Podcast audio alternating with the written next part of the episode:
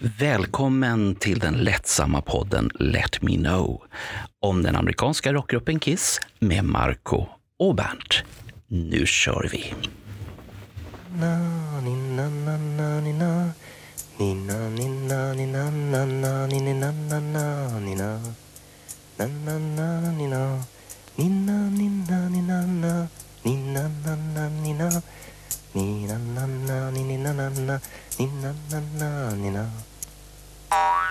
Dagens boktips.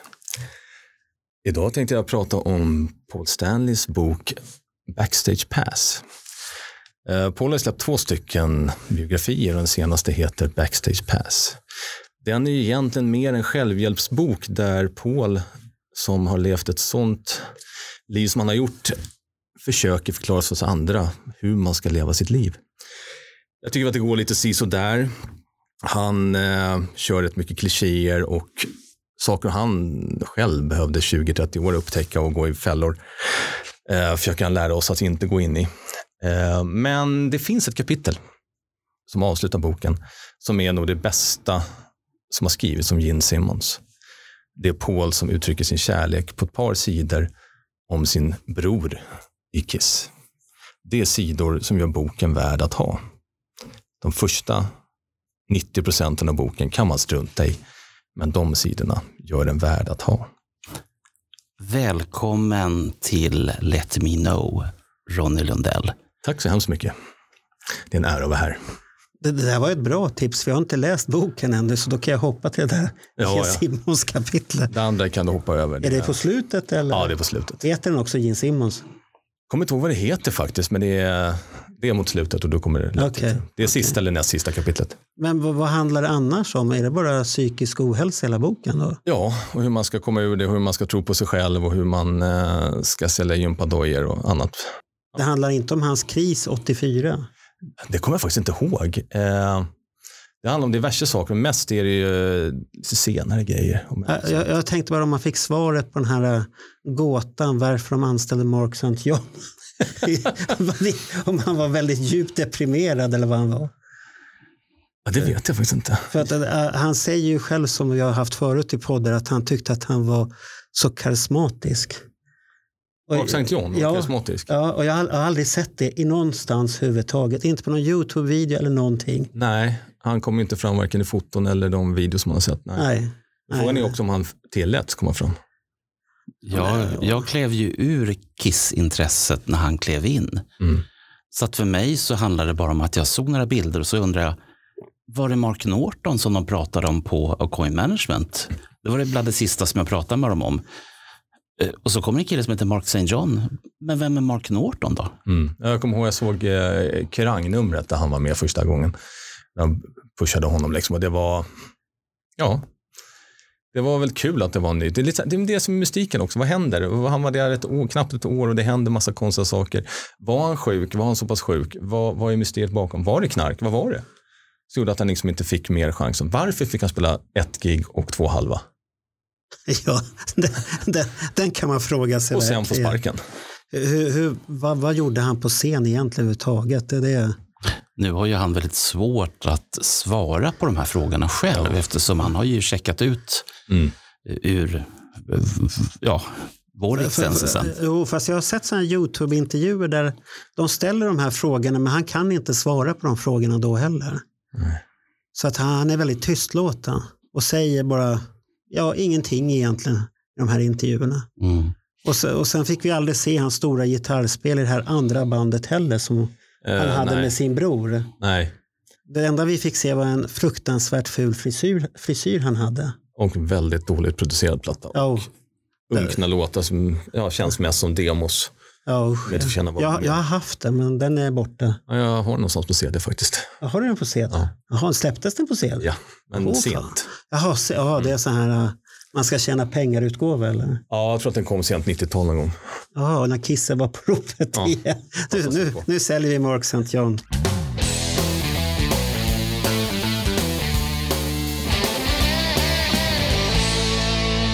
Jätteroligt att du är här. Ja, Vi har ju tjatat på det. Ja eh, det var väl kul att du gjorde det. Ja, det behövdes en pubbesök för att du skulle mjukna upp där lite och några öl. Vill ni veta vad ni ville få ur mig? Jaha, det var det som du var orolig. Jag, jag vet ju vad jag vill få ur dig, Ronny. Det handlar ju om att jag tror att jag har rätt om jag påstår att du har flest böcker om Kiss. I alla fall i Sverige. Har kanske läst flest böcker i alla fall Ja, förlåt, det, det var ju det jag menade. ja. Jag, jag, jag utgår ifrån att om man, om man köper en bok så läser man den. Jag, Ja, jag är ingen samlare längre. Ehm, Jag slutade samla så här brett om Kiss för säkert en 15 år sedan och dumpade stor del av min samling. Idag är det liksom vissa guldkorn så, här, så jag behåller bara böcker jag tycker är riktigt bra. Mm. Eh, resten av böckerna, de får inte plats. Jag måste eh, sålla ut dem. Men eh, jag läser det mesta som kommer. Eh, och jag recenserar en hel del av det för Destroyer Magazine också. Jag är väl, deras, jag är väl den som recenserar böcker där helt enkelt. Ja, men du är ju duktig på det. Ja, det, Du, du dissar ju rätt så hårt ibland också. Jo, men att, det är också en grej, liksom, att jag, jag samlar inte med, jag älskar Kiss, men jag vill vara ärlig. Eh, jag köper inte det mesta de gör, och då menar jag inte att jag betalar pengar och köper, men jag köper inte det mesta de gör att, att det är bra grejer heller, utan det måste, det måste leva sitt eget liv, det måste överleva sig självt, inte bara för att det råkar stå Kiss på det. Men du är väl också skolad när det gäller språk, så att du, du läser väl också böckerna kanske på ett annat sätt än vi som inte är skolade. Om, jag menar, om jag skulle läsa en, en Kissbok så kanske inte jag skulle titta på hur den är uppbyggd, utan mer vad vill den, för, vad vill den förmedla? Mm. Och jag har lite svårt att hitta de här. Det ska ju förstås vara, vad han heter, Robert Duncans eh, bok, Ja. som heter de första Kissböckerna som någonsin skrevs och kom ut. Ja, det kom en till, men det var en av dem. Och, och, och jag bara tänkte att, vad är det här för någonting? Vad rökte han när han skrev den? Ja, Ja. Det första kapitlet är ju jätteskumt. Och det, är så här, det är någons fantasier känns som. Eh, men ja, visst, jag ska, det är en yrkesskada. Mm. Eh, jag är ju lärare till vardags. Jag är också den som korre- korrekturläser det mesta i Destroyer Magazine. ja, det, det vet jag. Och jag har korreläst diverse Kiss-böcker också, bland annat eh, de tre Partners in Crime-böckerna. Eh, och eh, någon Julian Gill-bok också. Och, och sen har du ditt stora grej Kiss i Sverige. Du, du var som Vinnie Vincent. Vinnie Vincent räddar Kiss och du räddar Kiss i Sverige. Är det så? Inga kommentarer. Nej, nej, nej, okej, det var så kallt här. Nej, men man kan väl, man kan väl säga så att eh, där är jag inte korrekturläsare, där är jag mer Alltså Johan gjorde ju ett fantastiskt jobb på att få tag på material. Eh, han hade ju en skattgömma som välde över av material. Ja, det kommer jag ihåg. Sen när jag fick eh, materialet så var det ju så, det var ju inte hopsatt på det sättet som jag skulle ha gjort. Eh, utan det var ju hopsatt av Johan tillsammans med någon annan som jag inte riktigt vet vem det var. Eh, vi diskuterade du och jag, vi, vet Ja. inte vem det var riktigt. Eh, och jag kände att det här materialet förtjänar någonting annat. Eh, jag ville göra en bok där det var, det var fakta som var, det var kall fakta insprängt med personliga upplevelser. Men de personliga upplevelserna skulle just vara små citat som här och där lyste upp det, den kalla faktan som vi fick tag på. Så jag skrev ihop ett, jag skrev om ett kapitel så. Och så fick jag ju göra resten av boken. Utifrån Johans skattgömmor.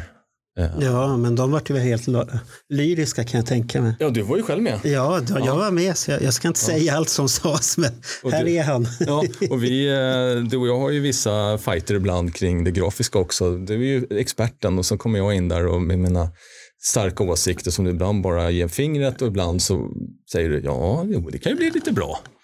Ja, det är när ni inte riktigt förstår grejen, men sen trillar poletten ner hos er ibland. Och, Ja, och tvärtom. och, och sen, sen kan ni ju ha bra synpunkter när man är lite lat. Yes. Man är så här lite grafiskt lat och sen gör de här enkla lösningarna. Då, då blir det, men, sen, men det är ju som nyaste Destroyer vi håller på med här nu. Det är, de, de är inte roliga de här jäkla reportagen nu från senaste turnén. De är jättefina. Texten, bilderna. Mm, Men det är svårt att göra någonting med det. det. Det blir ju det här snygga bilder från våra fotografer och, och några privata bilder och sånt där. Och, och så, men det, det är svårt. Men du är samtidigt hemma, hemmablind. Ja, det kanske jag är. Du har sett hundratals sådana där eh, genom åren nu och det är klart att du vill alltid att det ska vara lite bättre och lite nyare, lite fräschare. Det är ju sjukt snyggt det du gör. Eh, mediematerialet som vi Ja, andra tack, skickar in. tack. Liksom. Nu blir man rörd här. Ja. men men, det, men det är jätte, det, sådana artiklar är svåra Mm. jämfört med, eh, vad heter den här? Men Lightning struck. struck. Astra. Vi, hade, vi hade ju jätteproblem vid senaste podden, vi sa alla möjliga Ja.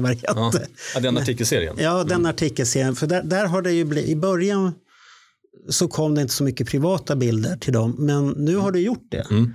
Och det som nu den här Jolle-grejen vi har gjort här nu, den är jättegullig med han, Mm. den här bilden, han är själv liten där och sen när han är gammal och står vid sitt flipperspel och gnider på för att han har råd med det nu. det hade han ju inte då. Och Ja, men den, storyn han har bakom det är lite kul också. Eh, den får han dra själv när han kommer. Ja, det, det, det. Jag har tänkt att bjuda hit honom för att, för att jag gillade hans, vad han tyckte om Kiss första skiva. Mm. Det var väldigt bra skrivet tycker jag. För att vi nu ska tappa bort alla som inte har betalt medlemsavgift i Kiss Army Sweden, vilket jag hoppas är alla därför att det är en fantastisk tidning. Och det är ett antal människor som är eldsjälar som ligger bakom allt det här, inklusive Mr General himself, Niklas Olsson. Men runt det här bordet så sitter ju den ena, det vill säga Marco, som gör allting oerhört vackert och fint. Det är alltså finare än vad det var från början och då var det fint. Eh, och Ronny är den liksom som sitter både med rödpennan och liksom knådar orden så att de ska bli så här extra mysiga att läsa. Så att de som inte har gått med i Kiss Army Sweden, jag rekommenderar en googling nu. För att har ni inte sett dem så kommer det bli wow när ni ser dem. Det, det hände mig för sex år sedan när jag kom ut ur min Kiss-ångestgarderob och fick se de första numren och tänkte att fy fan vad snygga. Mm. Då tänkte jag, vem fan har gjort det här? Ja, och det, då, var det någon, då, då, då var det någon som sa att det var någon otäck kille uppe i Stockholm som gjorde dem där. Ja, ja, det skulle inte förvåna mig om det var någon som sa så. Det där var riktigt kul när vi, vi fick ju eh, två grabbarna från eh, Ace och Jeans soloband band att skriva om Live och Live 2. Det var ju Philip och Jeremy. Eh, och de trodde väl säkert att det var vilken fanclub-tidning som helst.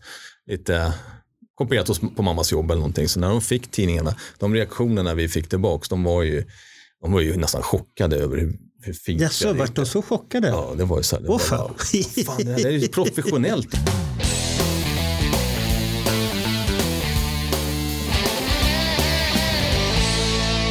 Men när började ditt kissintresse? Eh, det började 1981. Eh, mitt musikintresse överhuvudtaget började december 80 med mordet på John Jaha. Lennon.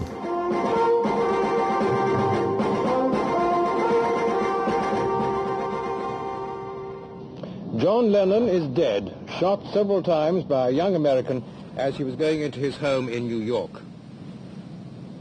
The former Beatle, who was 40, was returning home from a recording studio with his wife, Yoko Ono, when he was murdered. It was just before 11 o'clock last night when they were entering the luxury Dakota apartment building on New York's west side.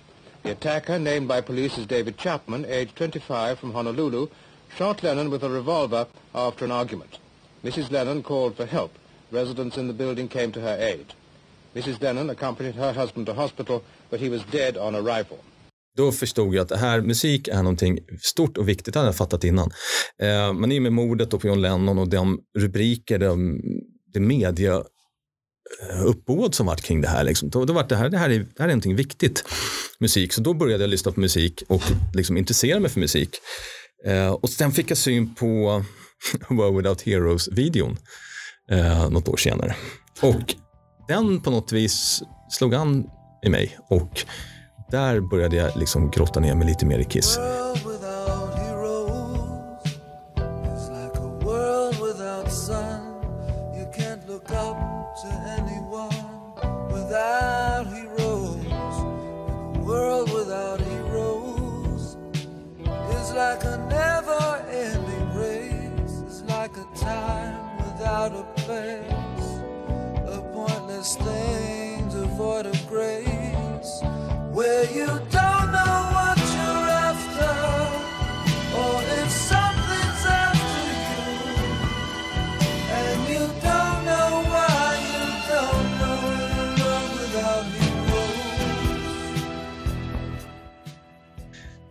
Men det var ett band bland alla andra tills i stadion november 83.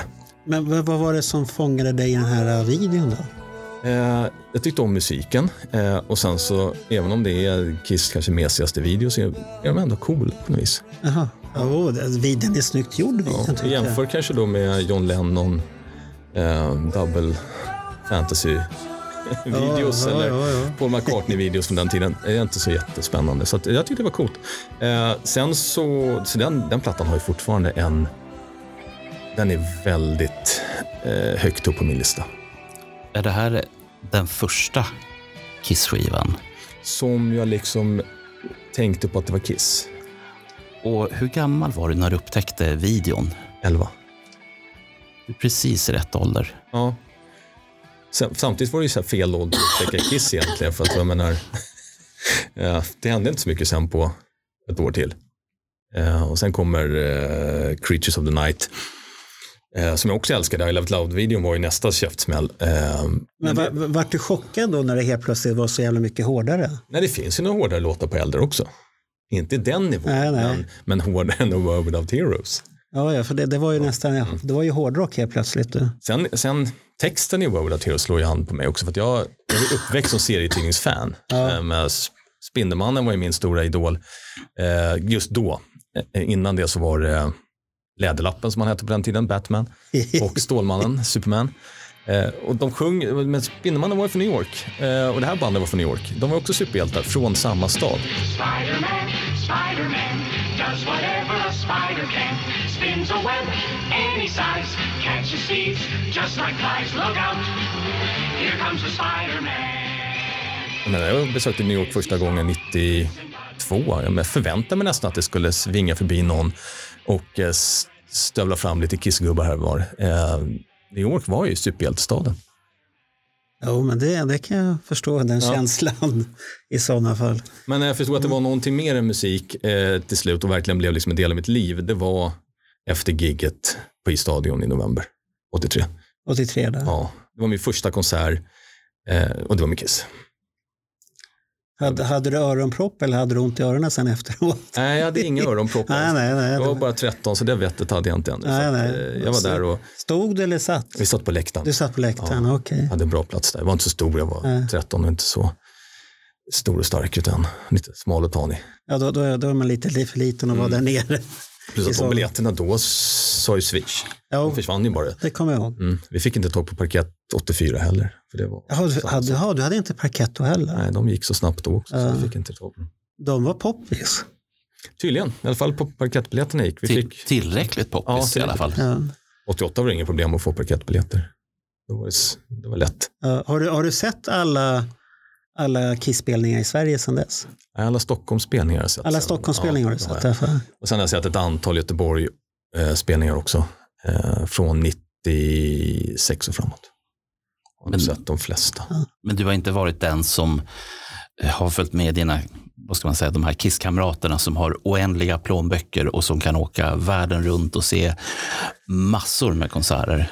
Eh, nej, inte riktigt så. Men eh, 92 till 97 så gjorde jag väldigt många eh, resor kan man säga ändå och såg rätt många konserter.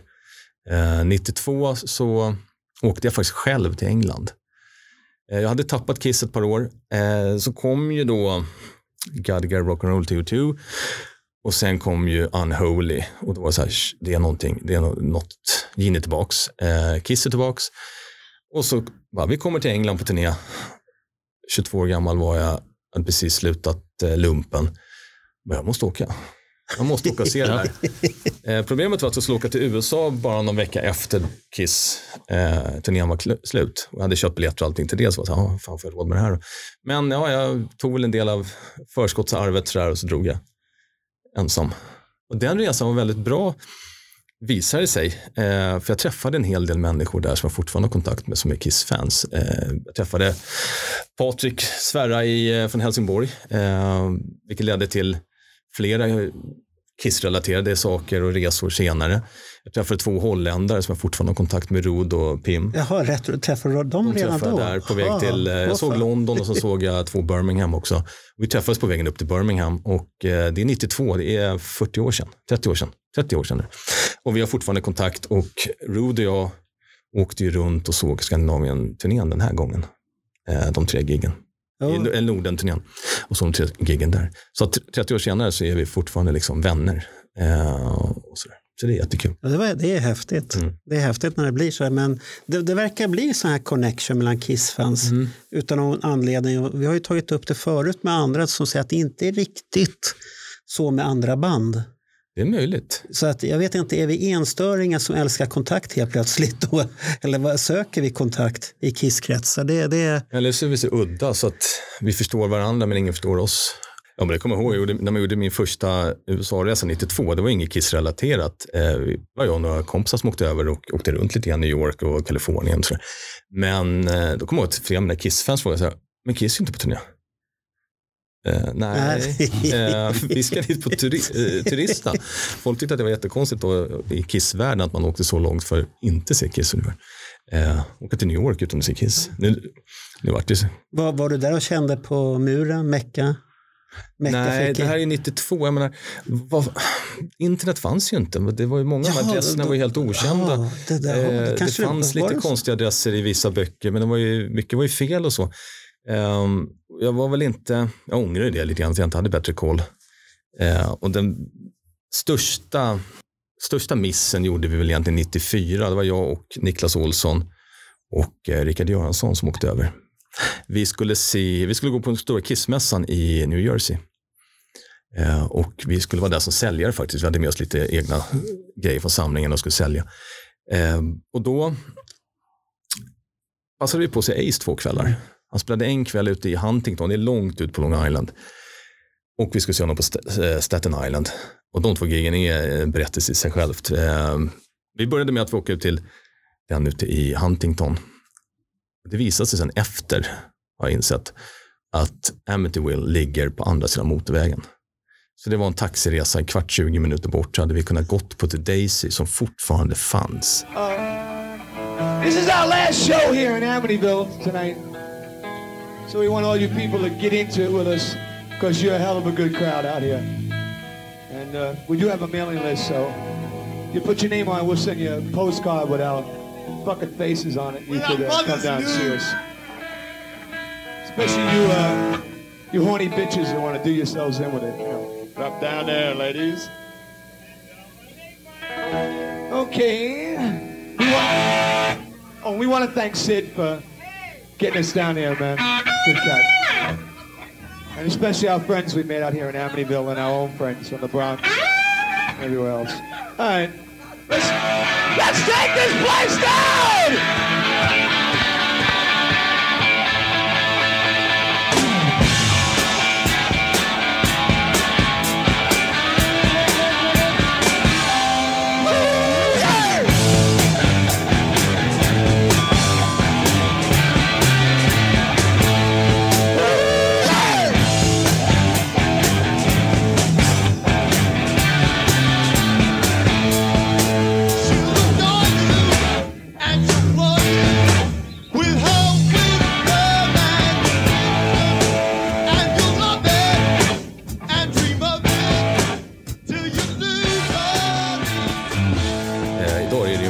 Parkeringsplats utanför något dagis. Eh, det finns lite roliga bilder på Alex Bergdahl när han står och hänger. Ja, de, de, är, de är klassiska. Han står där och lyssnar. Eller, jag vet inte, kanske inte foto, men i alla fall berättelse om det. Ja. Eh, och där såg vi ju Ace, men att vi missade att åka över och ta, ta och titta in på Daisy. Det var ju en jävla miss alltså. Det var synd. Ja, men du, du visste ju inte bättre. Nej, jag visste inte bättre. Då, då, då är det ju svårt att veta. Men hur, hur var Ace då? Eh, då, där och då fick jag, tyckte jag lite grann att det var magiskt ändå att se honom. Eh, första giget i Huntington, det, då började han lira någon gång mellan halv ett och ett på natten. Fa- så, se, oj, Så sent. Åh, Eh, och det, vi var där redan vid 7-8 tiden och det var två förband. Det första tror jag klev på scen vid 10-11 någon gång och det andra vid så här, strax efter. Så att vi var ju helt döda när det var, var dags. Men eh, ändå, det var lite kul.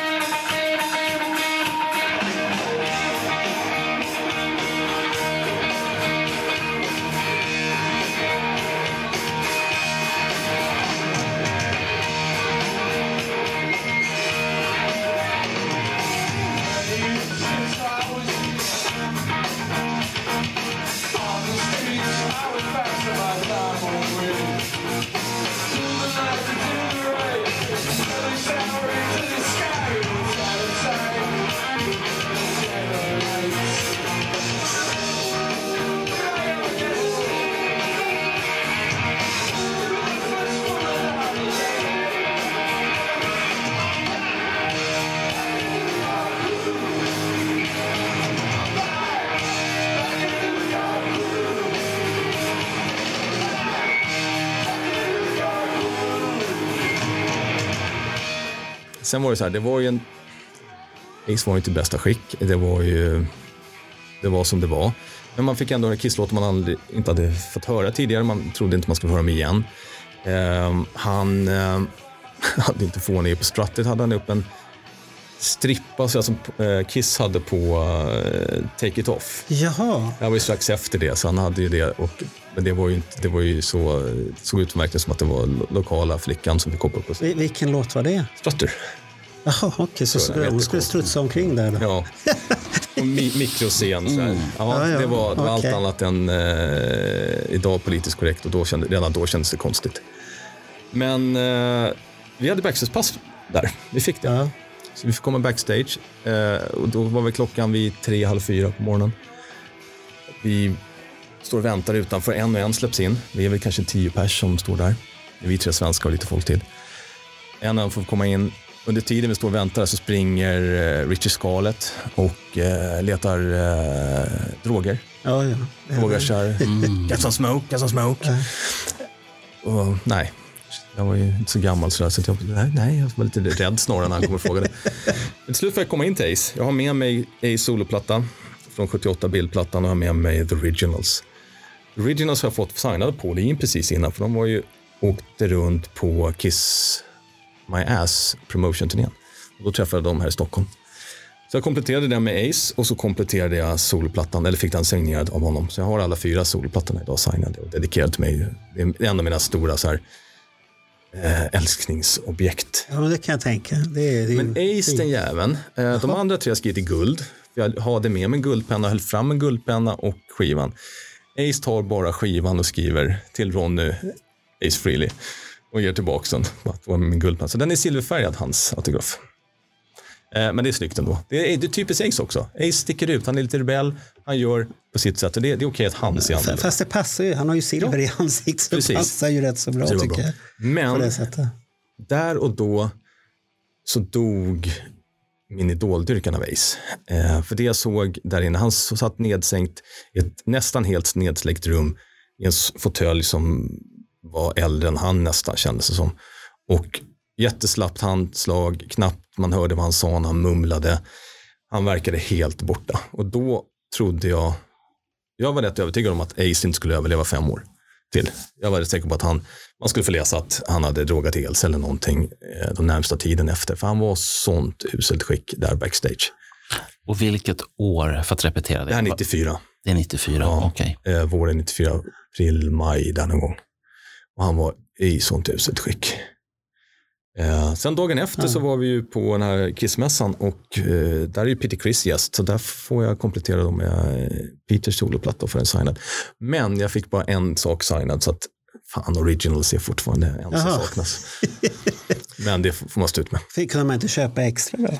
Nej, jag hade tur som överhuvudtaget fick en, för vi var ju eh, säljare, så att då fick man egentligen inte eh, få någon autograf. Utan Aha. jag hade tur att det var en kille som hade stått och hängt vid vårt bord rätt mycket den dagen och snackat, som skulle gå strax innan Peter kom ut.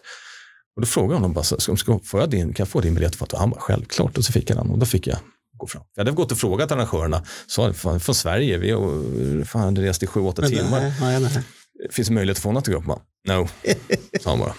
Det var, det var, Jag tror inte ens att de förstod vad Sverige eller Sweden var. De tänkte att det var någon ort i Minnesota eller Ja, någonting sånt. Så kan det ha varit. Så bra var min engelska säkert. Ja. Men, men just det här med signering, Mm. om man tittar på eh, framförallt nu, eh, nu sist här i Australien när de kommer dit, de signerar ju allt. Mm. Sträck fram någonting och du får en autograf. Liksom. Här en korv, eh, autografera, en skiva, autograf. Okej. Och, och, och sen så är det ju på andra ställen så jävla tjafsigt. Mm. 500 spänn så får en autograf, kanske. Ja, de har ju två autografer också. De har en för de som betalar och en för de som möter dem på hotellrummet. Eller hotell... Eh, Okej. Pauls och jeans framförallt ser ut som, det är knappt att det syns att det står jeans. Det är den här G och sen är det lite streck och sen något S och lite streck. Medan den är lite snyggare än den här. Alltså är det gratisvarianten? Ja, den är ju Och så apful. finns det en köpvariant. Som- Lite fan. snyggare. Jaha, Ja. herregud. Ja, ja, där ser man. Paul där, han skriver ju alltid så snyggt så att han ser inte så stor skillnad med jeans. Har jag sett. De som betalar ser lite snyggare. Kan det vara därför som, jag, jag ser ju den här frågan dyka upp ibland. Mm. Är det här en äkta autograf? Dyker upp i Kiss Nerds in Sweden. Och sen så blir det alltid en diskussion. Eh, hälften säger nej, det där är fake. Mm. Min ser ut så här. Mm. Och, och sen är diskussionen i full gång och det brukar alltid sluta med antingen att någon säger att det där är gratisversionen eller att eh, det alternerar jättemycket. Beror på vilket humör de är på. Ja, och sen är det det att ibland så går det med samtidigt. Jag har ju en autograf som jag tog 88 på Arlanda.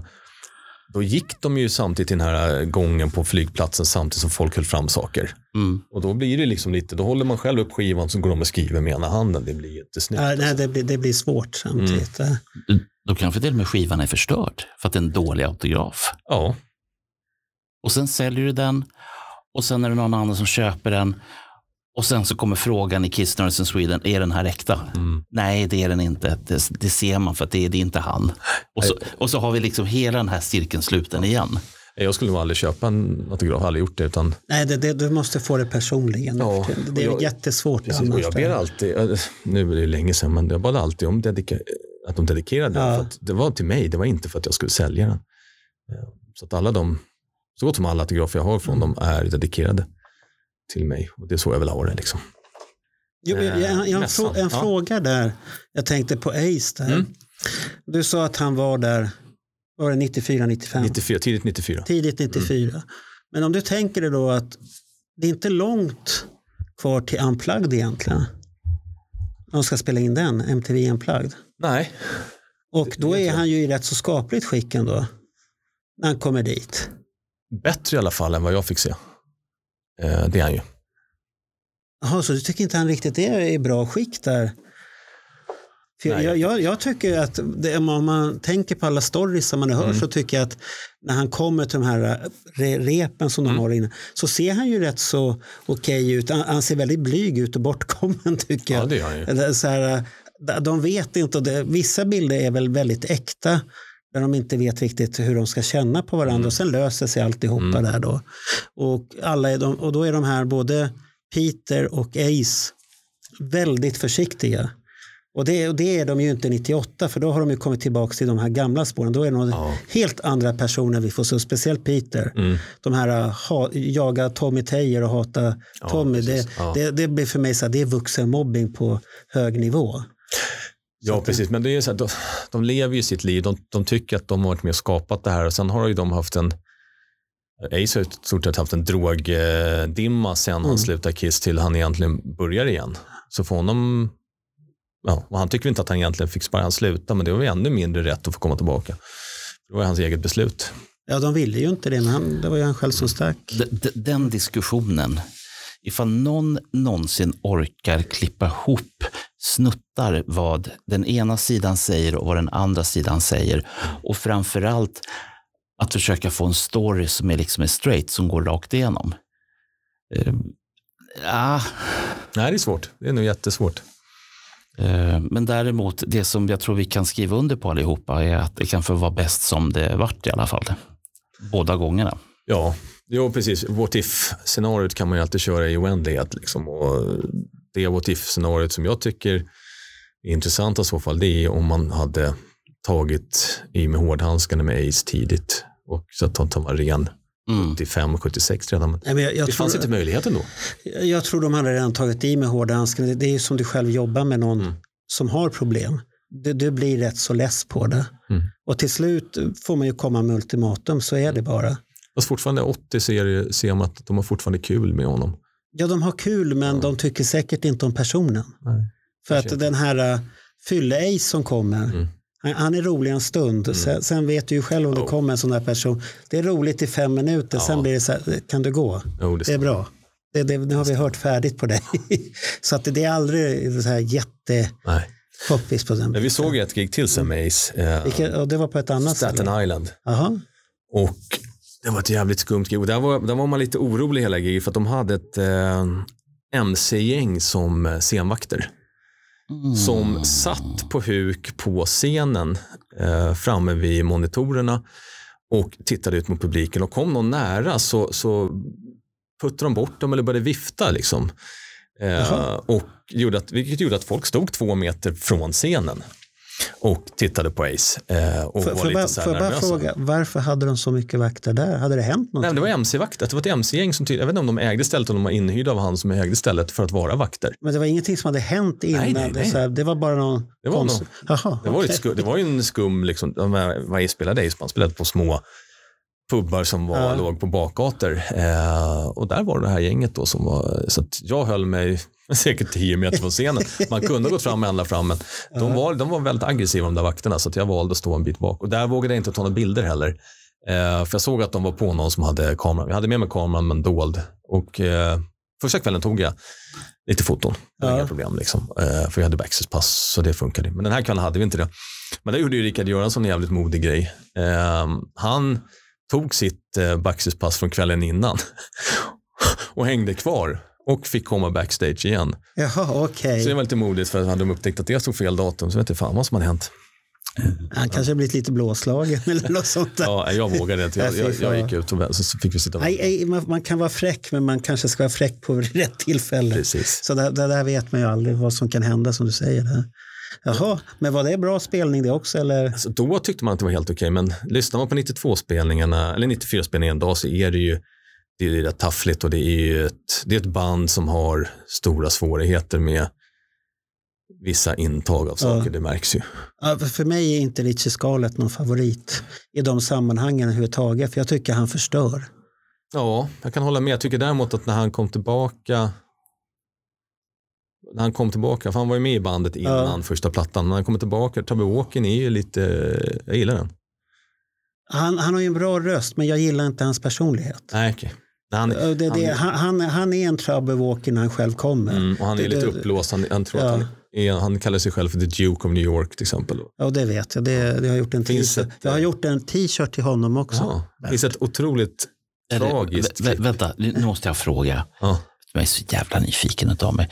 Eftersom Ronny har gjort svart eh, tröjor som sen har gått från att vara bootleg-tröjor till att vara officiella tröjor. Ja, Alltså, du har gjort grejer som man blir så här. Marco menar du? Du sa Ronny. ja. Ja, jag, Jag jag, jag tittade på Marco och sa Ronny till dig. Så att, eh, nej men, eh, eftersom vad Marco har gjort när det gäller merch, som jag känner till, är ju liksom först så gör han bootleg-tröjor som sen förvandlas över en natt från bootleg-tröjor till Officiell Paul Stanley Soul Station-tröja. Det är lite roligt. otroligt märkligt. Och, så, så ingenting förvånar mig längre med grejer som du gör, för du har gjort merch och loggor till allt och Ja, men, men, alla. men det är mycket tack vare Jonny Fredriksson. Det är mycket tack vare Ah. han. Han, han. Han beställde den här uh, tröjan och det står, som du säger, det står det här som han själv tycker att han är. Nej, Emperor. Em- Emperor, ja. Just det, rock'n'roll är det. Så står det, eh, det, det, det står något sånt där. Och det är en sån här egotröja han skulle trycka, var det 80 eller 100 stycken han skulle ge till sina hängivna fans. Men där, jag såg ett tragiskt klipp och det ingen förtjänar det som eh, Richard Scarlett råkar ut för det. Men det är ett klipp nu som eh, dök upp där han spelar på någon uterestaurang någonstans i USA med folk som sitter vid lite bord och käkar och så står han på en utescen som är liksom lite backar som står ungefär känns som och så spelar han och två andra i ett band och så går han runt där bland publiken och lirar och sjunger och, så, och det är ja det är så hemskt. Ja, det, det, känns ju inte så här rätt, Jag tycker jätteroligt. Jättesynd om honom när jag såg det där.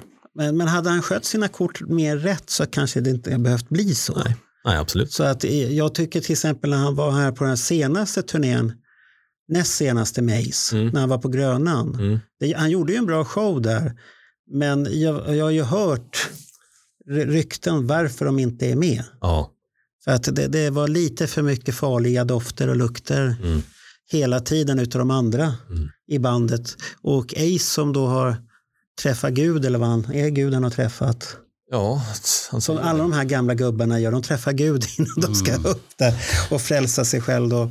Så att för honom vart det väl jäkligt svårt att ha dem omkring sig kan jag tänka mig. Är det här då en förklaring till varför, jag har nog sagt det här flera gånger, att jag har ju upplevt, jag har försökt att följa alla de här konserterna som läggs upp på YouTube och på andra ställen. Och jag tycker inte sagt att Ace Frehley är otroligt tråkig, eller hans band är otroligt tråkigt. De står rakt upp och ner på någon scen och så gör de samma låtar som de har gjort i tusen år. Det är liksom ingen variation på dem överhuvudtaget. Förlåt alla Frehley Ja, men, men då måste jag fråga, är det inte för att du förväntar dig att det ska vara Kiss helt plötsligt? Nej, för fan. Jag kan Ja, men Mm. det där, de är ju som ett vanligt rockband, då står man sådär. Men är det senaste tidens? Mm, senaste senaste året skulle jag säga. Men jag tror att det känns som att Ace har åldrats väldigt mycket sen under coronatiden. Han har blivit mycket äldre, för det, det har hänt jättemycket bara på de här tre åren nu. Mm. Men inte i kärlekslivet, där, den blommar ju för fullt Ja, för det honom. blommar. Så Det det, exploderade först och sen blommar igen. ja, ja det, det, just det, han hade ju den här galningen där innan. Där, ja. Mm. Som läckte massvis med grejer. Och Vet du om det är någon som har tagit vara på allt det här som läckte? En hel del av det fanns ute vad jag förstod innan redan. Jaha, så det var inte så här jätteheta grejer? Några grejer var väl det, sen Ja. var det vissa saker man inte vet vad det är heller. Så Sam Loomis kan komma fram här igen då med Ace-grejer. Då. Vi får se. Det är spännande.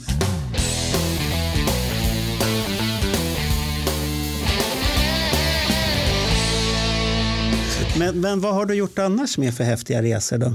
Ja, men sen, sen via den här resan då 92 när jag träffade Patrik Svärd i, eh, från Helsingborg då nere i, i London så höll vi kontakten och sen 96 när det var dags för återföreningen så köpte vi biljetter till eh, New York-spelningarna. Med, bland annat med tanken är att frågan är hur länge Ace kan palla det här. Det var den tanken jag hade. Jag, jag måste dra över och se det här för jag måste se Kiss med Ace. Och visst, de kanske kommer till Europa senare. Det fanns inga datum sagda då eh, i vad det nu var, april, maj denna gång. Utan jag måste dra över till USA. Eh, och då köpte vi biljetter. Det var jag och Pim, en holländare och träffade 92 och Patrik som köpte biljetter. Och så drog vi över till New York. Eh, eller inte Patrik då, för han fick ju blindtarms... Han fick operera blindtarmen istället, så han fick inte hänga med. Men det var jag och Pim som drog dit och såg de fyra spelningarna i New York. Och att ha sett de spelningarna är, de står väldigt högt eh, på min lista också. Över Hur många, hur många såg du utav Vi dem? såg alla fyra. Du såg alla Ja. fyra? Vi hade tre biljetter när vi åkte över för att mitt eh, bankkort var, jag hade inte pengar på det för fjärde biljetten. Oj, Eh, och det här var ju på den tiden när man, man fick ringa till New York, till, liksom till Ticketmaster och beställa biljetterna. Och hon jag landade med, hon hade ju typ jobbat en dag kändes det som. Så de släppte en, först släppte de en konsert. Jag eh, köpte den, det tog tid, men som vi höll på med den här processen och köpa den så hör jag dem ropar ut i, de satt vid något kontorslandskap, Ja. ropar ut liksom Kiss second night, released in five minutes. Och då ropade jag till henne direkt, bara, de ska också ha biljetter, jag ska också ha till andra. Hon, hade, hon lyssnade inte på det som sades bakom, så hon bara, vad pratar de om? Så här, det blir en Kiss-kväll till. Liksom. Då kollade hon datorn och bara, ja det stämmer, ja, jag lägger in till det också. Men hon var ju lite långsam så vi fick ju parkettbiljett. Vi fick inga parkettbiljetter, fick läckta biljetter. Och så släppte de en tredje medan hon höll på att fixa andra biljetten. Och så släppte de en fjärde medan hon höll på med tredje. Och då var pengarna slut. Men eh, vi köpte det eh, när vi kom fram, för då fanns det till några kvällar fanns det att köpa faktiskt på eh, Ticketmaster. okej. Där som hade kommit tillbaka och så här. Det var en fransmän som bodde på vårt hotell. De köpte faktiskt till andra eller tredje kvällen när de var där och fick andra parkettrad. Oj, För, ja, så nära. Så nära, så sent köpte de. Det var någon som hade lämnat tillbaka eller om det var så att de hade, ja, vet inte jag vad det var, men de fick så bra biljetter. De hade tur. De hade jävla tur. Fruktansvärt. Det, det, för det var stolar. Det var stolar på golvet. Ja, Ehm, och det var, vi, hade, vi satt på, stod på golvet en kväll, eh, fjärde. Men det var magiskt. Eh, det, det som var lite speciellt där var också att när det var ju jättejubel när de började, liksom skynket var uppe, ljuset var bakom och de ropade ut Kiss och allting. Men sen, det största jublet under hela konserten kom när Ace började sjunga i Cold Gin.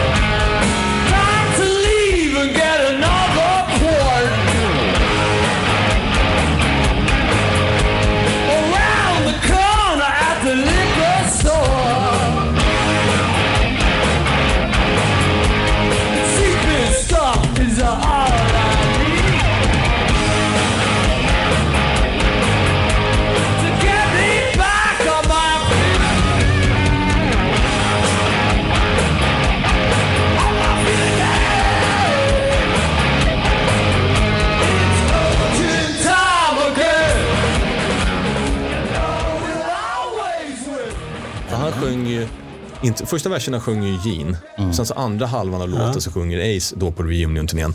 Och där, det vrålet som var då från publiken, det, mäkt, det, det mätte sig med liksom introvrålet. Och det var så att det, Ace var så efterlängtad och framförallt av New York-folket tror jag.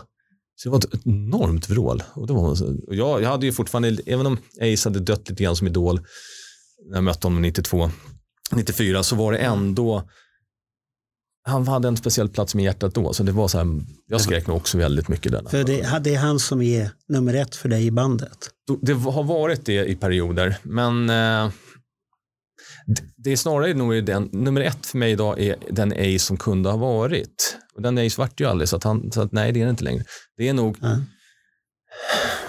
desto huk- det är svårt, jag kan inte riktigt bestämma mig mellan Paul och Ian. Jaha, okej. det, Mm. Men Ace, Ace är med där. Och, Ace har någonting ändå det, som det andra inte har. Peter Criss då? Nej. Nej, okej, det var kort. Nej. Ehm, nej, hans låtar är alltid sämst. Eh, Oj, ja, men på plattorna. Vilken låt är inte sämst av hans låtar? Dirty Livin'. Är s- in, ja, vilken låt är sämre? Nu, nu vart det hårda diskussioner. Fy tusan. Nej, men jag säger som så här, eh, nu måste vi ju köra hårt här. Eh, Hooligan. Eh, Gisses vilken dålig låt egentligen. ja, ja, det var trevligt att träffas. Tack för att jag fick komma. Ja. Nej, ja, det- så illa är det inte. Nej, men alltså, det- jag säger inte att de är alltid dåliga hans låtar, men de är ofta sämst på plattan. Och han som person verkar ju inte vara den roligaste gubben har att göra med. Vänta, nu vet jag vad du egentligen tänkte säga. Du tänkte säga att de är minst bra. Ja, de är minst Ja. bra. Ja. Ibland är de rent dåliga, men ibland... Sen tycker jag, alltså, jag, jag tycker om hans soloplatta eh, från 78. Mm. Don't you let me down är en sån här låt som jag kan sätta på rätt ofta. det, den är bra. Den är så sjukt bra på den här högupplösta också. Det, det, högupplösta filen, den är, den är underbar.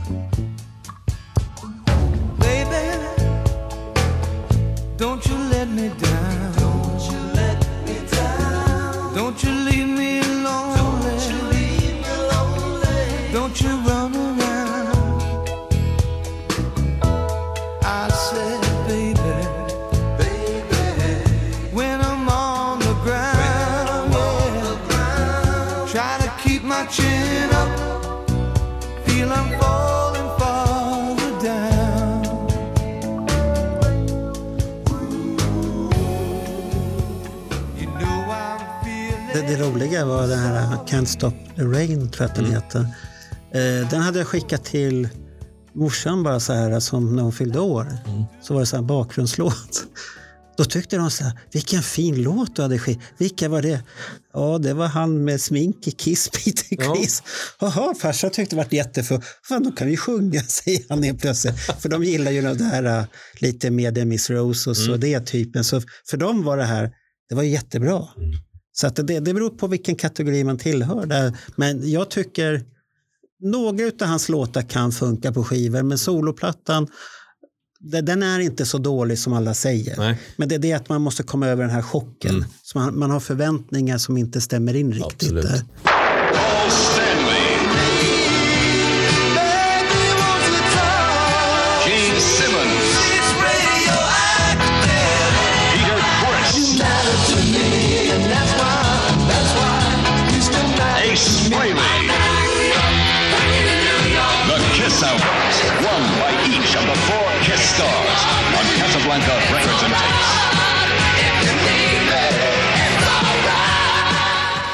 78 förväntningarna kan jag bara skriva under på eftersom jag... Jag, jag, jag, jag var där också. 78 hade jag så mycket förväntningar så Men där måste ju chocken för Gene varit större ändå. För Gene är ändå the monster och så kommer... ja, det började ju bra med så här lite ljudeffekter. Och Ja, sen, sen kommer, sen kommer en jättemesig gitarr. ja, så Vad hände det, där? Nej, nej, det, Men det, det, jag det älskar var den konstigt. också. Men omslaget var snyggt. Jag måste fråga dig Marco en grej eftersom vi i alla fall vi fick, upp, vi fick i alla fall uppleva de här plattorna i realtid. Eh, För jag till exempel, jag hade inte råd med alla fyra. Det fanns inte de pengarna. Och ändå så hade jag fanclub. Det är märkligt, men ja. Ehm, Så jag gick runt problemet, så jag köpte ju singlarna. Mm. Första utgåvorna av de här brittiska singlarna med mask och färg och hela köret. Och då kunde man liksom komma en liten bit in i plattan i alla Mm. fall. Och sen så betade jag av de här sista. eh, Jag tror faktiskt att det var Paul och Peters plattor som jag köpte sist. Eh, Och Gene hade jag, precis som du var inne på, de stora förväntningar på. Och så bara, Jaha, okej, jag förstår. Och Ace var bara, ja, tack. Ja, men idag, jag tänkte när han släppte sin Asshole-platta, ehm, um, Gene, så hade man ju ändå, jag hade rätt låga förväntningar för att man visste ju hur demos lät med Gene. Man visste hur eklektisk han kunde vara. Liksom. Det kunde spreta åt alla håll. Men 78, då var ju Gene bara de låtarna som fanns på platta. Mm. Och det var ju lite monsterlåtar. Visst, lite grann på Destroyer fanns lite annat. Men annars var det ju Nothing to Lose, God of Thunder, Truth of, ja, och så vidare.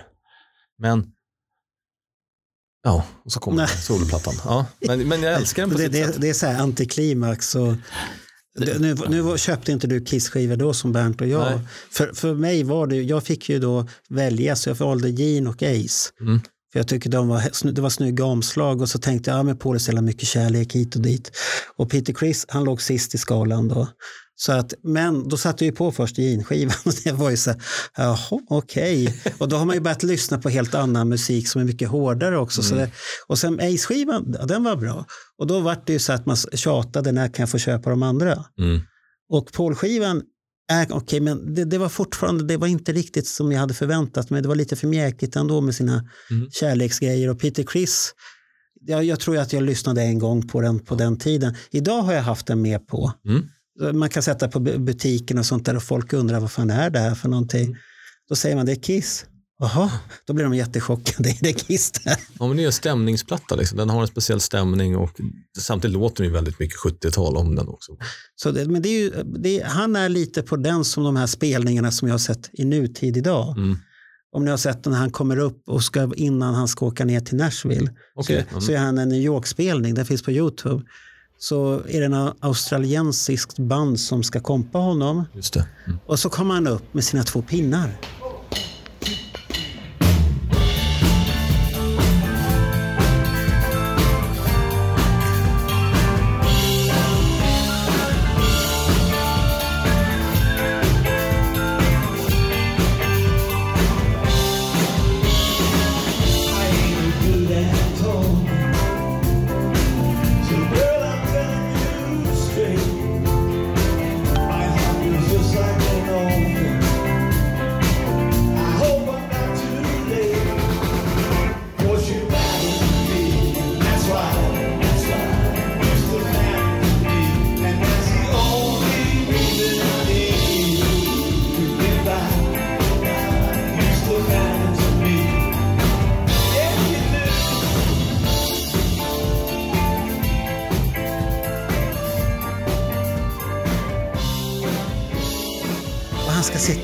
Det där och han är så entusiastisk med sina två, jag vet inte vad det är, det var något instrument de där pinnarna eller någonting.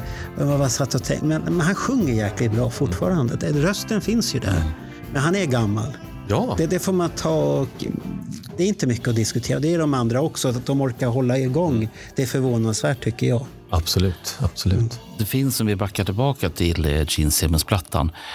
Ehm, För jag hade ju fått biografier och information om vad plattorna skulle innehålla. Det är en sak liksom att läsa sig till det och en annan sak att höra det.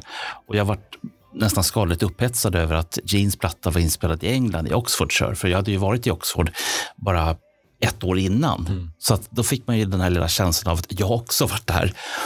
Och sen just den här grejen med att Cher är med på plattan som en av de här upphetsade tonåringarna som, Gene, som ringer till Gene Simmons. Och jag tycker det var så fantastiskt roligt, just den låten. Och sen då den här kopplingen till Oxfordshire.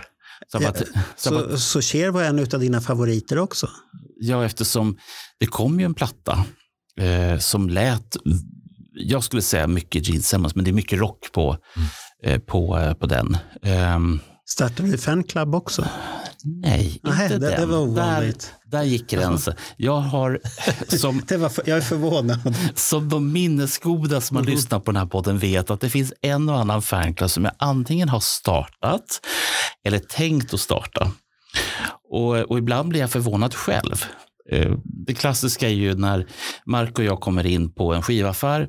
Det står en kille där inne som känner igen mig och troligen dig också. Och så säger han, Bernt Månsson, det var ju du som hade Magnus Ugglas fanclub. Och- du ser jätteförvånad ut Mark och säger nej Kiss. Och så säger jag jo, Jag har också Ja, haft... men jag, jag är inte förvånad längre. Det är Village People och alla möjliga i hans garderob där egentligen. Så att det är det. Men de här fyra kvällarna i New York, där, det måste ju ha varit jävligt häftigt. Och så, va- var det någonting speciellt förutom Ace du kommer ihåg? Stämning eller Hela någonting? stan kokade ju av Kiss. Ehm, I alla fall delar av staden. Men man stött skivaffärer, vissa restauranger, eh, tidningsaffärer. Allting fanns det Kiss, Kiss, Kiss överallt. Eh, och folk, det var ju folk från hela världen som var där också. Så att man såg ju folk med Kiss-t-shirtar överallt. Eh, men samtidigt fick man, jag trodde att ah, det här är det största som har hänt. Eh, men man fick en liten törn när man kom till, när jag landade på uh, LaGuardia, har jag för mig att det var, och vi gick till uh, uh, de, ja, tullen där. Och han, uh, han var, vad ska du göra här? Vad ska du göra i New York? Liksom? Och jag sa, ja, jag ska kolla på Kiss. Och han tittade bara på mig. Ja, rockbandet, sa jag då så här. Ja, just, jaha, håller de på fortfarande? Ja. Det säger han då två dagar innan de ska eh, ha fyra dagar på Madison Square Garden. Ha, den, Så, att, så att han hade ingen koll. Liksom. Men, det, men det var ändå en man, det var ingen sån här som man tänkte att men han har lite koll. Han såg ut att vara i 35-40 års åldern. Men han, kan, Eh, han kanske bodde där ute i LaGuardia, Ja. där inte Kiss var stora. En sån här stor eh, svart lucka. Precis.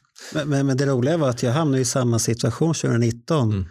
Och då var det med Jonny. Han- Jonny brukar alltid vara så jävla nervös för amerikanska tull. Jag vet inte varför. Han, han blir så här hypervent och jättenervös. Och sen tjafsar han ingenting. Sitter han och säger till mig, Clifford och Morgan. Då. Clifford och Morgan kan ju vara pajaser ibland. Så här, sväva iväg och hålla på. Och så håller vi på alla och retar Jonny. Och så, så går vi där en och en. Men jag fastnar där i tio minuter. Och de blir jättenervösa. Vad fan har han gjort nu då? Men då är det att vi, han frågar vad gör det här? Jag ska se Kiss. Det är det End of the Road. Jaha, spelar de fortfarande? Började vi prata låtar. Sen släppte han in mig och sa hoppas du får en riktig till. Så kom, vad hände? Vad hände? Nej, vi pratar Kiss. Men det, det var ju också att han hade inte heller någon aning. Så det, det, det kanske är någonting de flygplatspersonalen som jobbar eller de som Nej, precis. flygplatsen, de har ingen aning om att Kiss spelar. Men själva spelningarna sen så var det ju, det var ju det var hyfsat bra spelningar och det var det första jag såg med eh, sminkbandet så det, var ju, det var ju magiskt. Eh, sen var det ju någon kväll där, det är tredje eller fjärde, de inte spelar Beth. För Jaha. att de har eh, dragit över lite tiden och om de inte slutar inom typ 5-6 minuter så kommer de behöva betala jättemycket övertid för eh, de fackligt anslutna scenarbetarna. Jaha, som tillhör Madison Square Garden eller till deras egna? Ja, nej, inte till sina egna, utan Nej. de som är inhyrda. okej. Och de kostar ju till jätte, jättemycket om man drar över en viss tid. Eh, Jaha. och då ställde man in Beth. Och det konstiga var att Peter var, stod sidan av högtalarna med handduken, över axlarna och micken i handen och rosen i andra handen. Och är redo liksom att ta steg framåt när han får signal bara det blir inget. Och då ser han bara vänder sig om och går därifrån. Eh, och så kör de Rock All Night så är det slut. Eller om det var ja, kommer så, såg han glad ut när de spelade Rock'n'Roll Night då? Eh, kommer, nej, det, det såg Det jag tänkte jag aldrig på. Nej, jag tänkte inte Nej, nej. Men scenen var ju, på den turnén var ju, kom, jag, jag vet att Mats Vassfjord var väl på där också. Mm, Och Kileberg. Roliga var att var, jag träffade Mats Fassfjord Ja. där. Eh, Jag sprang på honom lite Ja. varstans i världen under ett par år. Eh, där och i Los Angeles och i, på tåget i Birmingham och sådana saker. På honom. För de, för de tog bilder från de konserterna Mm, och, de, och de var ju så jävla mörka allihopa. Okej. Men man tyckte då när man såg det att det såg häftigt ut, Mm. men det, var, det, var, det går inte att jämföra ljusshowen 96 med idag. Nej, och det, det, scenshowen ja, i det, sig det, också. det är en helt annan grej alltså. det var ju, Och glöm inte hur kamerorna var på den tiden. Jag menar, du ska ju vara tacksam för, för det första, glöm att slå på blixten. Mm. Vart du inte utslängd så, så får du istället Ja, men det här är professionellt tagna bilder och det, Ja, det spelar ingen roll för att det finns, inga, det finns ingen belysning eller ljuseffekter i bilderna. Det är svart. men hela showen var ju ett, egentligen jämfört med mycket de haft se efter rätt dålig. Rätt tråkig. Ja, för den var inte, det, det var väl mer att vi, vi, vi bara tog in Ja, alltihopa. Det räckte med att de stod där och var Ja, då- då var man glad. Då var vi glada. ja, men, det, men, det, men samtidigt slår ju ingenting stämningen som var några månader senare i Stockholm. Den, Alltså Globen 96. ja, den, den veckan. Kiss upp inför en konsert. Ja, vad sker den där minuten just innan de går upp på scen? ZTV-nytt kan idag som enda tv-program avslöja det här. Vi fick nämligen vara med när Gene, Paul, Ace och Peter gjorde sig beredda inför spelningen i Globen. med ZTV som sände varje dag. Eh, det var ju Aktuellt Rapport. Det var Kiss-folk över, ja, överallt var det Kiss en hel vecka och det var ju stämningen där inne. Det var ju, folk skrek ju som värsta Live 2-publiken innan de ens Ja, kom det, på det scen. kommer jag ihåg. Det, det, det är nog den häftigaste konsertupplevelsen. Det Det, är min bästa i alla fall Ja, konser- Kiss. konsertupplevelsen. Ja. Sen själva bandet, hur de var spelmässigt så har jag sett bättre. Ja, det, det kan du. Men för mig var det den största Mm. upplevelsen med Kiss. Det var det. Men såg du några andra emellan där? Såg du Donington till exempel? Nej, jag sket i Donington. Du, du struntade i den? Eftersom jag såg New York så var Ja. jag var nöjd och sen så köpte jag ju Stockholm, Göteborg och Oslo. Ah, du var i Oslo Ja. Sverige, världens sämsta arena, men det var kul. Vilken arena var det då? Spektrum, Jaha, okej. Ja. den, den är inte så... det var inte så roligt. Nej, Det nej. var väldigt kul att de, de körde ju ett break med We Are Family på Rock'n'Roll Night och så körde ju Ace, Ace var överlycklig, han hade fått tag på en vikingahjälm som han körde i Rock'n'Roll Night också. Han såg ju så barnsligt glad ut så det var jättekul. Ja, ja. Ja, men men det, det var nog sista, sen, sen var lite magin, den dog lite där sen för det var inte alls samma sak 97. När sommarspelningarna kom. De var fortfarande väldigt bra tyckte jag för stunden. Men eh, 99 sen var det ju, Ja, det, det, det funkade 99 tyckte jag. För det funkade men det, men, men det var inte än att det funkade. Det var inte liksom så här, man var inte superbra spelningar, de var inte jättebra live. Showen var fånig med sin 3D. Ja, ja det, det, men det, det kan nog vara det. De inte, men det är ju typiskt Gene att han går och pumpar ut det här med 3D hit och dit. Och, Paul var rätt bra på det också. och, och sen har vi haft de här spindeln som ska komma ut i Mm. Friends Arena. Det kom ingen jävla spindel ut överhuvudtaget. Här sitter man och väntar. Ja, den kommer komma och ni kommer bli rädda. Va? Det, det är mycket för mycket. Han, han blåser ju upp alltihop. Men eh, kronprinsparet kom ju ut som Kiss-fans. Just det. Ja, det gjorde Men det var 2017. Där, där har jag en dröm. Alltså, tänk att få prins Daniel att skriva en When Lightning Struck. Du får väl mejla. Ja, jag ska göra det, jag måste göra det. Jag har, jag har ju några som jag försöker få tag på. Så snälla ni som känner Nicke Andersson till exempel. Jag vill ha en Rock'n'Roll Over-artikel av honom. Eh, Ronny, jag känner den som är IT-ansvarig på Kungliga, eh, vad heter de, hovstallarna. Så att, eh, Får se vad vi kan göra. mm, För det, är- det är en, eh, vi pratade om den tidigare, men det är en artikelserie som jag är sjukt stolt över. Ja, det är din lilla baby. Ja, det är min lilla baby. Den startades av Johan Rönn som skrev en kärleksförklaring till Psycho Circus-plattan. Är, det startskottet Ja, det? det är startskott, men då hette den ju inte When Nej, nej, Struck. det Det, var den. han som skrev bara en liten kärleksartikel.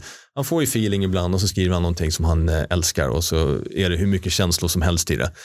Och den läste jag och även om jag inte håller med det mesta, eh, eller jo, en del håller jag med om, men så var det ändå så här, jag, jag, jag kände kärleken. Ja. Och tänkte att tänk om vi kunde göra det här med alla plattorna. Få den här kärleken. Eh, och då skrev jag själv eh, om Lick It Up som eh, nästa platta, för det var den som gjorde mig till ett Kiss-fan. För poängen med artikelserien är, vilken platta gör dig till ett Kiss-fan? Inte den som gör att du upptäcker Kiss, utan vilken gör dig till ett fan? Som gör liksom att du verkligen älskar det här bandet och förstår att det här är mer än livet för vissa. Så att då skrev jag om Lick It Up och sen fick jag Alex Bergdahl att skriva om Hot in the Shade. Fan, det, det kommer inte jag ihåg. Och så. Bernt skrev om, han skrev eh, om Hotter than Hell och sen så fick jag ju eh, killarna då från Kiss, eller från Ace och Gene Solband skriva om Live 1 och 2. Och så fick Ja. vi ju Lasse Winnerbäck att skriva om eh, The Elder. Ja, den, den var väldigt poppis. Den var ju jättepoppis. Ja, det, det var lite häftigt att Ja. lite större namn kom in där. Precis, och sen har vi Jolle då som kommer i kommande numret här Ja. med eh, Kiss första platta. Så att jag jagar ju lite, eh, lite folk till dem, för jag vill ha en artikel med varje platta. Det är målet. Det är Hur, hur många plattor saknas då? Alla soloplattorna, Dynasty, det eh, vi har eh, Rock'n'Roll Over, Love Gun. Det är de som är på 70-talet. Men Rock'n'Roll Over borde inte vara så svårt att Nej, jag ville ha. Nicke Andersson. Alltså är det hans favorit? Ja. Han har ju gjort någon sån här tv, lite så här snutt om den. Ja, Den jo, när eh, han sitter med den här lilla skivspel. Jo, det stämmer. Så den Alldeles skulle jag rätt. vilja Ja. få. Men det ska inte vara så svårt. Sen har vi väl Crazy Nights. Ja, men ja. Finns det någon som har en som favorit? Jo, det kanske det finns. Ja, inte favorit ska det vara, det är den som får det bli Kiss-fan. Det Ja, kan ja, ja. ja. som upptäcker med, det var ändå en halvhit med Crazy Crazy Nights. Liksom. du måste alltså vara tillräckligt ung. Mm. Men det borde inte heller vara svårt, för att vi, vi har pratat om det här förr, jag säger det igen. Ja. 40, 50, 55-åringarna, de är i det häradet. Förvisso, eh, de trillade in via Animalize. Ja, det, det är andra, andra generationen. Animalize var ju Emil eh, Ja. som skrev om senast och den, den var ju en djupdykning i musikkunskap som flög mig över huvudet men den var underbar att läsa. Ja, det- den var tung. Den var tung Den men, var men den var, jag älskade den. Och sen har vi Andreas Karlsson som skrev om eh, Ja, det var häftigt. Asylum också. Ja. Men det är en av Sveriges stora musikexporter sedan ABBA-tiden nästan om man får ta i lite. Och Europe. Ja. Eh, Sen vet ju jag att det sitter några andra killar. Jag, eller jag pratade om det sist. Eh, och då sa Marco, det här har vi pratat om många gånger. Och då sa jag, vad bra, då kan vi prata om det en gång till. Eh, det finns ett par grabbar som gör en podd som heter Peter Le Podd. Som handlar om Peter Lemark. Okej. De har gjort 49 avsnitt. Och jag tror att du skulle gilla den podden, Ronny, för det är liksom nörddykning i vartenda album. Varenda låt vänds in och ut på. Mm. All poem, all poesi, allting som liksom var, var var Peter Lemark när den här skrevs. Och när de var klara så, så åkte de hem till Peter Lemark Mm. och var där i typ två dygn och totalmanglade honom på alla sådana här små poetiska referenser. Ja. Eh, och sen vet jag att i något av de tidigaste avsnitten så har de gjort Kiss-referenser. Senare så har de sagt att de inte gjort några Kiss-referenser alls. Och nu sist så sa jag till dem, eh, när vi gjorde det förra avsnittet, Mark och jag, att jag kommer att nämna er. Så lyssna. Åh, vad roligt, säger de. Hörni grabbar, nu får ni faktiskt plocka fram de här Kiss-referenserna som ni hävdade från början att ni hade. Ronny vill alltså skriva en artikel om kopplingen mellan Peter Lemark och Kiss. Oj, det var... Mm. Det, det var djupt. Så jag, jag utmanar er nu grabbar. Men nu, blir- sen blir det inga mer reklam för den där nu. Det vet man Nej, inte. nu, nu, nu, det, nu klipper jag bort allt annat som kommer med den där podden. Där. Nu, nu räcker det. Nu har du, Det har, du, det har du lovat förut också. ja, tredje gången redan. Nu, Ja, ja, nu men, räcker men, det. men tänk om de kommer hit och pratar om, om, om kopplingen också. Ja, då är det en annan sak. Ja. Då, då gör man reklam. Och då, och då är de välkomna, eller ja, hur? då är man alltid välkommen. Bra, tack. Hör ni det grabbar? Men för dig nu, Ja. nu när du, du har gjort de här resorna, vad, vad tyckte du om senaste turnén? Det var ett uppsving mot mycket jag har sett tidigare. Jag hade jättekul på konserterna. Jag tyckte att bandet hade strålat ut en glädje som jag inte har sett på åh, väldigt, väldigt, väldigt länge. Kanske sedan 90-talet någon gång. Ja, Jag, jag har ju träffat dig på spelningar så jag vet att du har varit lyrisk. Ja, jag, jag, jag var jätteglad. Liksom, för det, jag såg ett glatt band och, och i och med att för mig och för många av oss som i publiken så är Kiss någonting annat än ett, ett band bara. Det är några som vi har växt upp med, det är några vi har levt med, fast på avstånd såklart. Men vi har känslor för dem som man kanske inte har för eh, vilket annat band som helst. Och då ser jag att de faktiskt mår bra eh, och har glädje, det är jättekul. Jag hade ju med mig min flickvän som såg sin första Kiss-konsert i Stockholm. Malin, hon berättade lite om det i senaste kommande Destroyer. Och hon, eh, hon var en sak som hon liksom tänkte på, så att det fanns en glädje både på scenen men också i publiken och mellan, mellan fans och mellan liksom fans och Kiss-medlemmarna så syntes det att det var en glädje som inte hon har upplevt på någon annan konsert. Eh, så det, det tog hon liksom med sig därifrån att shit, det här, folk var glada i det här. Liksom. Det var, Ja, hon det- var glad, i det. ja, hon tyckte det var jättehäftigt. Men var hon nöjd annars? Hon var jättenöjd. Eller är det så här superhemligt till nya numret kommer? Det vad hon tyckte. Nej. Kom, kommer hon gå fler gånger? Eh, hon kommer nog gå med nästa gång. Hon Jaså? har ju en eh, systerson som är lite sugen på att hänga med också, så vi får se. Men det var ju roligt att du hade med henne där. Att hon tyckte, satt ni eller stod i? Vi stod. Var var det någonstans? Var det i Stockholm eller Eh, Göteborg? I Stockholm. Vi stod Stockholm. eh, på golvet en bit från scenen sådär, men Mm. på, på Golden Circle. Men eh, det var lite besvikelse att scenen var så låg. Eh, när de väl kom ner där så, så såg man inte, hon är inte så lång, hon är kortare Nej, i nej, alla fall. då, då blir det tufft. Men även jag tufft. som, som är normallång hade ju, liksom, man såg ju dem kanske från midjan uppåt i bästa fall. Ja. Det var lite konstigt att scenen var så låg. Eh, Men, men det är de flesta scener nu är väldigt låga. det tycker jag är synd. Så att det, det är bara i, är det på Donington de har väldigt, Mm. eller på vad heter den här, Ja, men det skulle räcka med en halv inte, meter. vad heter den här arenan som är Wembley? Ja, När de har såna specialkonserter alltid. Okej. Där är ju scenen fruktansvärt ja, högt men, upp. ja, men då ser inte de som är längst fram. Nej, men den är, den är så här, oh, man ser ingenting. Ja, där. men det är bättre om man hade haft eh, Lite, en halv meter högre scen. En halv meter hade det räckt gott och väl för att slippa hålla på och sträcka sig så förbaskat. Då ser man det- fötterna också med de har Ja. coola boots, såklart man måste se dem. Ja, ja. Mm.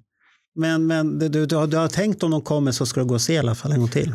Ja, Eller fick du det perfekta avslutet som jag känner att jag fick i Göteborg? Där, där fick jag ett så jävla bra avslut. jag tycker att alla tre spelningarna var, var väldigt bra på olika sätt också. Jag hade lite olika, eh, i Göteborg satt jag på Ja. läktaren. I Finland var det ju väldigt liten eh, arena med rätt lugn, snäll publik. Så det, vi kom jättelångt fram och det var ingen som tog och knuffade sen. Så vi Nej, stod nej, nej. tre meter från scenen. Typ. Eh, så att, Det- det- ja, det var, det- hade varit ett ja. perfekt slut om det var så att det var slutet. Men samtidigt känner jag att det är lite sorgligt, så här, man, man tog ett avsked. Mm. Eh, de känslorna som ändå man kände där och då, eh, det var ju inte alltid de lättaste känslorna. Man tog avsked av ett liveband som man har följt i 30 år, 40 år och så tar det slut och, och man lämnade där som att, jaha, det var klart det här då. Nu ser jag de aldrig mer live. Jag har musiken kvar, jag har uh, timmar med video och allt vad jag har. Men jag kommer aldrig mer se dem live. Och sen så någon månad senare bara, ja men de kommer igen. Det, det räckte att du kom ut från arenan Ja, så, här- så. så fick du höra ryktet redan att de kommer till sommar. Då var det lite så här, jaha, Ja, nu är vi där igen. Och då, då blir ju fortfarande min fråga, eftersom Simmons var så himla noga med den intervjun som man hade med en finsk journalist, nämligen vi ska täcka upp de ställena som vi inte har kommit till eller varit i. Eh, och jag, jag har nog nämnt det här för, just det, den skulle jag ha tagit med med den artikeln. Eh, 83 när de var i Uleåborg så fanns det en ursprunglig tanke att den inte skulle ta slut där, utan de skulle fortsätta från Uleåborg till håll i er nu, Östersund. Mm. Därför att det fanns en flygförbindelse mellan Uleåborg och Östersund. fanns till och med en färja där tror jag. Eh, den är mellan, jag tror att du kommer till Umeå och sen så du... möjligt. Ja, men, ja. Men, men bara grejen som sån. Mm. Jag, menar, jag har ju tillbringat somrar och, och sånt där i Östersund. Det är inte världens största stad. Jag menar, det skulle vara ifall de skulle komma till Kupolen i Borlänge eller ja, men vad som helst. Och det vore väl nice liksom ifall de äntligen gjorde Östersundsspelningen. Det kommer inte hända. Men då, jag förstår din tanke, men det kommer inte bli. Jag kan tänka mig att i vissa delar av världen så kör de kanske sådana spel de inte har kört på End of the Road. Mm. De körde ju Mexiko nu och så här, Australien. Men jag tror inte att Europa, det kommer vara de här få spelningar som är någon annanstans. Det kommer nog inte bli så jättemånga spelningar i Europa tror jag heller. Jag tror att det blir Stockholm, Malmö snackas det om. Tyskland, vad är det mer? Holland och eh, Italien va? Spanien säkert också. Och sen från Östersund så hoppar man över till Trondheim. Till Trondheim. så får norrmännen också sin skumma spelning som de aldrig skulle ha fått annars. Tänk Island också. Ja, men de har haft sin Jag vet. spelning. 88, men det var ju inte på avskedsturnén. Nej, men bara att de har gjort det. Mm.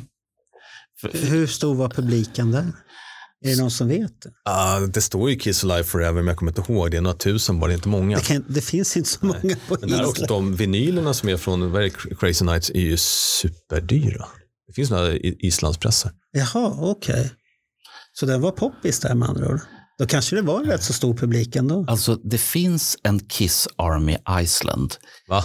Ja, Har du startat den? det kunde ha varit jag. Annars har jag svårt att förstå. Men eh, jag har faktiskt försökt att få kontakt med någon i, i Kiss Army Iceland som var på konserten. Men grejen med de som är medlemmar i Kiss Army Iceland är att de är mycket yngre än alla andra fans. Få av dem var på Kiss-konserten i den här uh, Reykjavik. Jag tror att det var en flyghangar som de var inne i. Som Ice hade- Hall tror jag. Jag tror att Reykjavik Ice Hall tror jag det har stått på. Men det, jag vet inte om det stämmer. Det är någon sån här. Ja, det vet man ju. Jag har sett lite foton därifrån också. Ja. Jo, men det, jag, jag har sett svarta eller mörka foton, ungefär de här som ni pratade om förut, om från, um, från New York. Proffsbilder som är Ja, ni, hela, hela 96-turnén är väldigt mörk. Hela, alla inomhusspelningar är mörka. Men, men i och med att just den här konserten, Islandskonserten eller Reykjavik-konserten, jag är så jävla nyfiken på liksom folks upplevelser, minnen därifrån. Men det var ju det här att de som var såg konserten verkar antingen inte ha överlevt Eller är de inte intresserade av Kiss längre. Vilket får mig att tänka att man kanske inte ska rota i den konserten då. Ja, det skulle vara intressant. Eh, det måste ju ändå funnits jag körde någon låt, de inte körde an. Man vet ju inte, för det är så speciellt. Ibland så gör de ju, på den tiden kunde de göra saker speciellt när det var något särskilt tillfälle. Ja, runt det, det 88 och, och Hot in the Shade, då var det lite Ja, överraskningar. Mm. Men alltså den är aktiv nu menar du, den fansklubben? Ja, Det är skitlustigt. Finns den på Facebook? ja. Ja, Men där är det ju lätt att starta fanklubbar. Där kan man ju starta Vällingby, Kiss Army Vällingby ja och nej, liknande. nej, men jag satt och tänkte på Kiss Army Nynäshamn. Liksom. Det är ju Ja, starta det.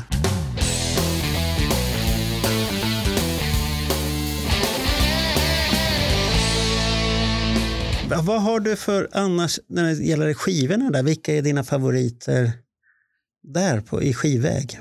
Min öde ö-skiva är Alive. Om jag bara får ja, med okej. en platta till en öde då var det Alive. Eh, Inget snack.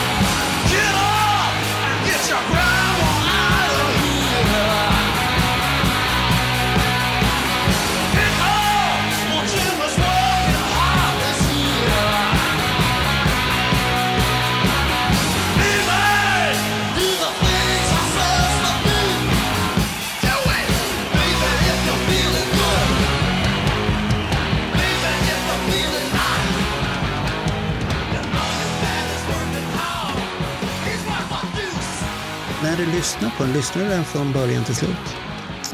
Ja, ofta. Eller, hopp, eller hoppar Ja, du men jag, någonstans? jag, är, jag är en sån här gammal, även om jag idag inte lyssnar på vinyl, har inte gjort det sen Hedenhös. Eh, jag har ingen vinyl kvar, antingen någonting som står någon kartong någonstans, men inga, inga rariteter.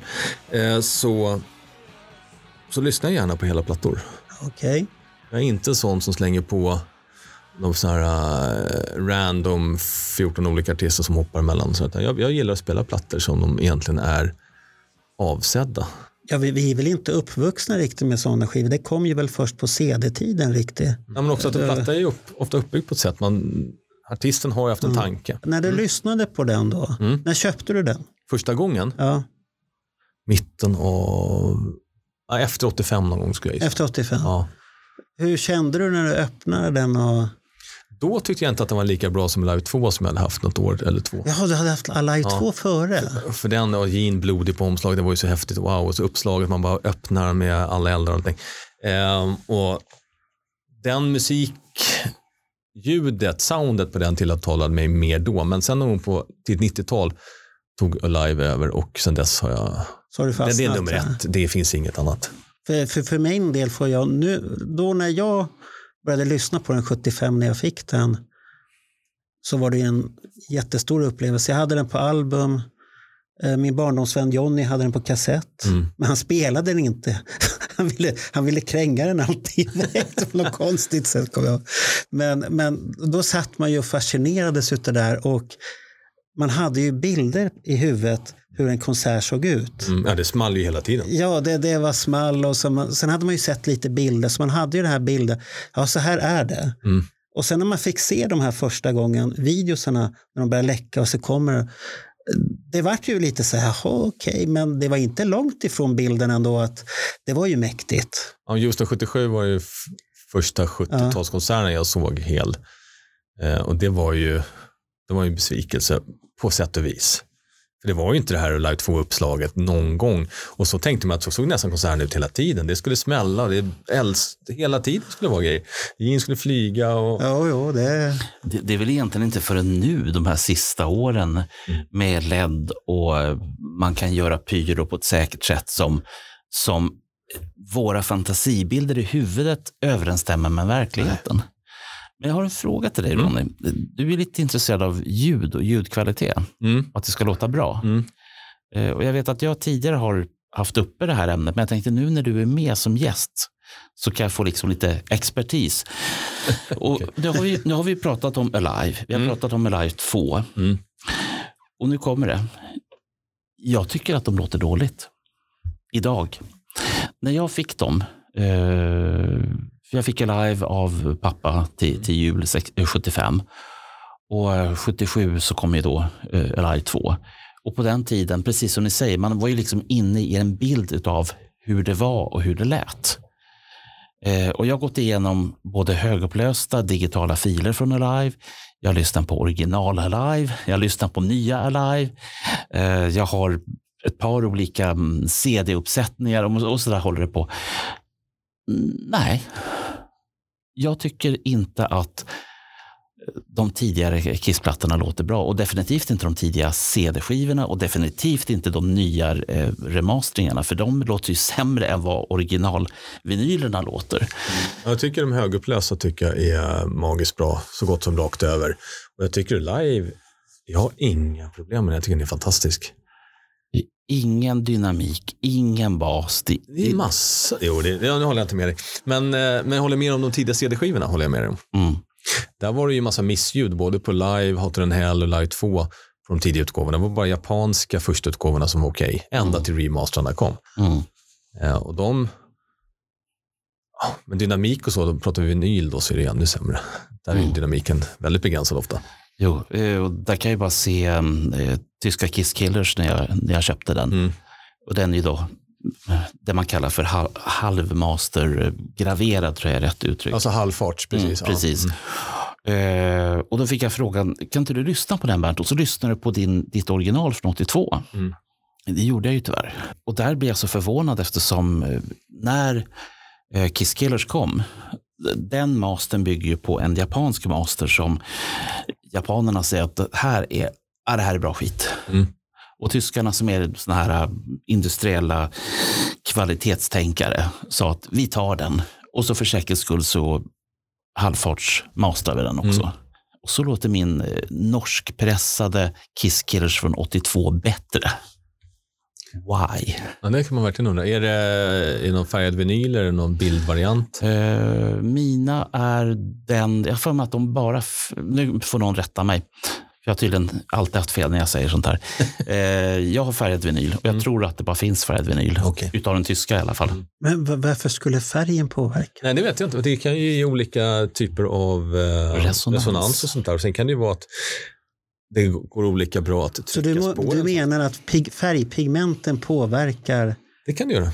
Det är ju, de gamla bildskivorna var ju katastrof. att en, att en rosa bildskiva på, har en helt rosa sväng? På, Skulle kunna ha. Jag säger inte att den har det, men jag säger att den skulle kunna ha det. men det är ju där ni och trampar hela tiden. Där. Fast jag föredrar högupplösta filen. Har man inte dem så tycker jag att jag är rätt på dem. Det, det är magiskt bra i vissa fall. Och då Ja, är, jo, det, det, det, det har jag hört. Men då är det ju Tidal och Cubus i första hand. Ja. För, det, för det är ju, Eller HD-track som man får tag på själva digitala filerna. Så man slipper ha streaming. För det kan också Vad är vara... det där hårda tracks man kan köpa? Ja, precis. Vad, vad de. kostar sådana skivor? De kostar väl en 20 dollar eller någonting sånt där. Har de inte dyrare än så? Nej, jag tror- och, Jag och tror, då, jag tror det skulle vara dyrare. nej, nu har inte jag köpt några sådana på jättelänge. Ja, nej. men jag, jag känner igen det här resonemanget för att eh, det är också det här klassiska som när man har Tidal eller Cubus. Så blir ju frågan, ja men den dagen som du inte prenumererar, då har du ingenting. Mm. Eh, och så har jag tänkt att ja, man kanske skulle ha lite Kiss-vinyl Mm. i alla fall. Ja, jag har ju filerna ner, Mm. eh, som jag har tagit ner från eh, HD-tracks och liknande. Så att jag Mm. har alla, alla plattorna. Det är någon platta som saknas. Det är väl eh, Sonic Boom som inte finns. Den brukar inte finnas någonstans Nej. nu för tiden. Det- det är Walmart. Walmart, precis. Så den har jag inte. Alla andra har jag högupplöst. Men om, om man tittar nu på de här um, högupplösta. Mm. ehm, men du är inne på att Alive låter bra på den högupplösta, Ja. enligt dig. Ja, jag tycker det. Jag, jag njuter av den. Eh, Jag har inte tänkt något annat när jag har lyssnat på den. Den har jag lyssnat ett antal gånger på med lurar Mm. och verkligen fokuserat. Många av de andra har jag liksom suttit i soffan och läst samtidigt eller någonting. Men den just har jag lyssnat flera gånger för det är den bästa plattan. Så den har Men, men en live har väl aldrig låtit dålig? Jag kan, för det, kän, det finns så mycket känslor i den skivan så att jag har svårt att tänka mig att den blir dålig. Den är studiofixad också. Så att, Ja, ja, det spelar ingen roll om den är studiofixad Nej, men det eller det inte. Eller, eller om de råkar trycka på någon knapp efteråt. Det, det är skit samma, men Det, det det här, är så mycket känsla i den så att det är svårt. Och så, så har du känslan på skivan, så har du mina känslor.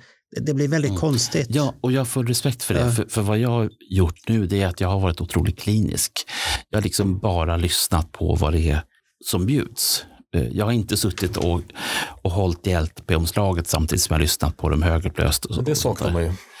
och, och där, Men den skivan spelar ju ingen roll om du inte har LP-omslag längre. Du har ju bilden i huvudet. ja, ja, ja. Men eh, mitt minne av skivan är bättre än vad de låter idag. Men då blir min fråga eh, till, till Ronny, för då har vi liksom klarat av det, att där är vi inte helt överens. Nej. Inte någon av oss, jag, Nej, jag förlorar. Men finns det enligt dig Ronny, du som har då lyssnat igenom de här högupplösta, eh, vilka är de bästa ur ett ljudperspektiv respektive de minst bästa? Oj, så mycket har jag inte gått på djupet på dem. Eh, men en, en låt som jag ofta sätter på som jag tycker låter helt magiskt, det är Don't You Let Me Down från eh, Peter soloplatta. Den har ett sånt jäkla skön basljud och värme. Den brukar jag eh, sätta på sjukt mycket om man jämför med vad man gjorde innan. Jag har nog lyssnat på den mer sen högupplösta kom än vad jag hade gjort under alla åren innan. För den är riktigt, riktigt fin. Sen tycker jag att eh, Hotter än Hell har ju en kvalitet som inte finns på någon av de andra utgåvorna. Den är lite luftigare, den är lite tydligare eh, än vad de gamla CD och vinylutgåvorna är. Eh, och det är också en, en av mina favoritplattor annars, men eh, den, jag tycker den lyfter på den här utgåvan faktiskt. Alltså dags för många... eh, Förresten, nu börjar jag säga till alla våra lyssnare att vi pratar absolut inte om Spotify nu. Nej. Därför att den ljudkvaliteten kan inte mätas med det här som vi har pratat om. Och jag har full respekt för alla Spotify-köpare. Ja, tack. Varsågod. Marco. Jag, jag lyssnar på det för jag vet att öronen hänger inte med riktigt. Så det, det är bra ljudkvalitet. Eh, mina 60-åriga öron hör skillnad. Och det spelar heller ingen roll om du har Tidal Hell och streamar, för att ofta så, det du streamar till, det finns en begränsning där någonstans också. Utan Mm. det, vad man egentligen, Men du kan ju ställa in eh, jättehögt. Jo, jo, fast det är inte alltid du klarar streaming. Jaha, du menar att du måste ha såna här värsta apparater? Nej, men att om man istället har filerna på en, eh, någon typ av dator till Ja, ja. spelare och kör den varianten så får du ju... Du menar att det kan bli läck, tapp, den kan tappa information Ja, på vägen? precis. Okej, det, det kan ju hända. det kanske finns några begränsningar också i vad man nu kör för hur man streamar. Paketförlust som det brukar stå på Ja, tester. Och ja, man kan inte heller köra via bluetooth, det är inte, funkar inte. Nej, bluetooth är aldrig, det, det, det, är en, det är en mp3-variant det Och, vi, också. och vissa gör ju så. så att, Ja, det, det, det, det, det låter, och det, tänker du inte på det så det går att lyssna på. Men det, du, du, det faller ju bort mycket. Sen finns det ju, sen första plattan är väldigt kul att lyssna på högupplösta med hörlurar på sig. För det finns ju, det är lite så här, inte misstag, men det är lite så här missljud här och där som ändå är från studion. Uh, inräkningen på 100 000 years så är det någon som säger någonting, men går inte riktigt vad den säger, men man hör någon som säger något. Det hörs även på tidigare utgåvor, men det är tydligare här. Man hör lite så att de kommer åt med plektrumet på strängar som inte borde komma åt och sånt, om man sitter med hörlurarna. Och det är kul. Eh, för det, då hör man att det är, liksom, det, är, det är människor som är där och spelar i Bell Sound. Så det, Är är det nu också vi ska skicka ut en varnande signal till lyssnarna att om ni lyssnar på, på mig och, eh, och Ronny så finns det en risk att det här kan kosta er väldigt mycket pengar. den risken finns helt klart. Ni började prata om hiffig-nörderi Ja, när du förlåt. skulle börja prata om ditt fina studioalbum. Bästa studioalbumet med Kiss. Den som du vill också ta med dig till Nödö. Första plattan. Ja, titta, det, Det det, det, var- lite överraskande. Det hade jag inte tänkt med. Eh, jo, men den, den vinner med en hårsmån för eh, Creatures of the Night och Hotter than Hell. Eh, Ja, du, du har i alla fall inte dålig smak, det kan jag ju säga. jag gillar Kiss och jag är på en Kiss-podd. Den, jag säger bara så här, den blicken jag fick av Marco nu. Ja, man kan, det- ja, det är ingen fel, det är jättebra skivor allihopa. Ja, men första plattan, kolla bara, det är alla de platt, låtarna, i alla fall på originalsläppet, förutom Let Kissing time. Kissing, nej, African Kiss som inte var med och sen så Love Theme from Kiss. var ju låtar som liksom spelas live. Fortfarande idag, för mig är Deuce och Black Diamond de två höjdpunkterna på konserten. Fortfarande på den här nu, turnén. nu, nu, ska jag, nu ska jag fråga. Mm. Juice, tänkte du på det att publiken var på den här senaste turnén väldigt slapp på den låten? Nej, för jag var inte det, så jag tänkte inte på han Nej, du, nej jag, jag bara reagerar för det brukar ha alltid varit sån jävla fart. Mm. Och nu var det inte. Då tänkte jag, vad är, är det jag som tycker att den här är för bra?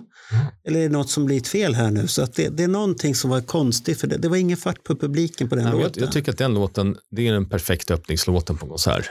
den, är, den är riktigt grym. Samtidigt har Kiss alltid, alla öppningslåtar som har liksom varit mer än någonting enstaka gig Mm. har ju varit perfekta. Detroit City är perfekt. I Still Love är helt underbar på de turnéerna den är med på. Och sen eh, Creatures of Night. Ja, de funkar är fullt allihopa. ös medvetslös och så är publiken igång. Och det är så en konsert ska vara. Det får inte börja för slappt och slött utan det måste pang bom. Och sen Black Diamond. Vilket mästerverk.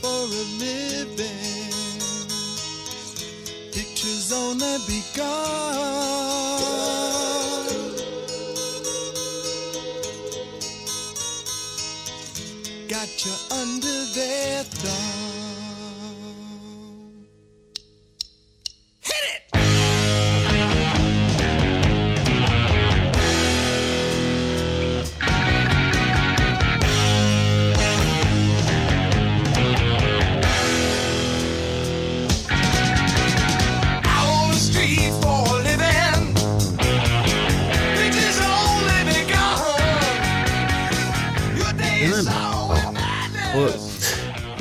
Nu skulle man, man ju hoppats att egentligen på studioplattan också, det var första låten, Juice och sen sista Black Diamond. Men nu, Ja, man, man kan inte få alltihopa. men allting. men för, mi- för min del så är det ju den, det är min favoritplatta. Mm. Det är första plattan. Och det har ju både med upplevelsen att det var första jag köpte, man tog till sig den, men oavsett vad som har kommit så har jag alltid gillat den skivan.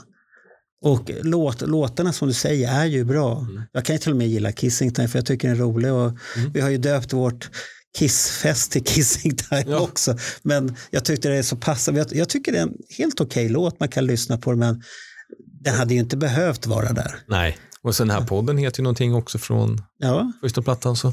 Ja. ja det Den, eh, den här podden kunde ha hetat någonting annat om inte Sarah, Sarah Dawn Finer var före. Mhm. Ja, hon, hon har tagit Talk to me. Jaha. Men Let Me Know är kanske lite smartare. Ja, men det kommer jag ihåg att du snackade Ja. om att den skulle heta Talk to me. Ja, just det. Ja, men Let Me Know är nog smartare i slutändan. Talk, talk to us kunde den heta. Ja, men, nej, men du, vi ska, nu ska vi inte, vi försöker ju ha Kiss, Ja. Kisslåtsreferenser hela tiden. Där. Fast, fast nu gjorde ju Gene och Paul den, den, ultimata eh, vad är det man säger, uppoffringen för den här podden. Men, men, men som du sa, där, du pratade om första plattan. Alltså, det är ändå liksom originalet, det är bara bra låtar. Och sen, samma sak när jag, när jag lyssnar på bootlegs, eh, om man inte lyssnar på något nytt som jag inte har hört förut, så är det ofta 73 74 som jag slänger på. Då är det lite häftigt att Det höra är, de det, är på något, det är på något vis rått och det är, det är oslipat. Jag brukar jämföra Kiss med att när Kiss är som bäst, då är, då är de ett tåg som åker lite för fort och håller på att spåra ut hela tiden. Men de håller sig på det jävla och är spåret. lite farliga. Ja, och de nästan spårar ur i varenda kurva, men de håller sig där. Då är de som bäst. Och det är Men- så men- låter de 74, 75 fortfarande, en bit in på 76. Ja, då, då är de farliga. For, 75, fortfarande farliga. 75 börjar det bli lite Ja. icke-farligt. Men de här första året, första två skivorna, då är det ju farligt. Och tittar man bara på designen på Hotter skivan med dessa bilder som är på baksidan där. Det, det är lite speciellt. Det är mycket speciellt. Och, Och sen blev det barnprogram utav dem. Ja.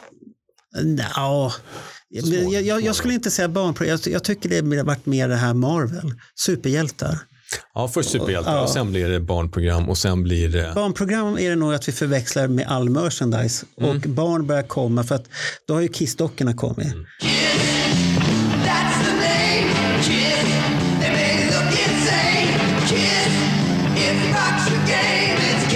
Kiss. Is Kiss, each sold separately, and you can put them in any crazy pose you want. That's the name, Kiss. They may look insane, Kiss. It rocks your game, it's Kiss. Kiss, each 12 and a half inch figure sold separately by Mego. Du kan ha vilken pose som helst på din Kiss-gubbe och det har man väl alla testat här egentligen. Och, Sen försöker de då och då att eh, bli farliga igen. Creature of the Night, Revenge. Ja, de är ju tvungna. Det har vi ju hört på Alexander Bergdahls, på Alex podd menar jag.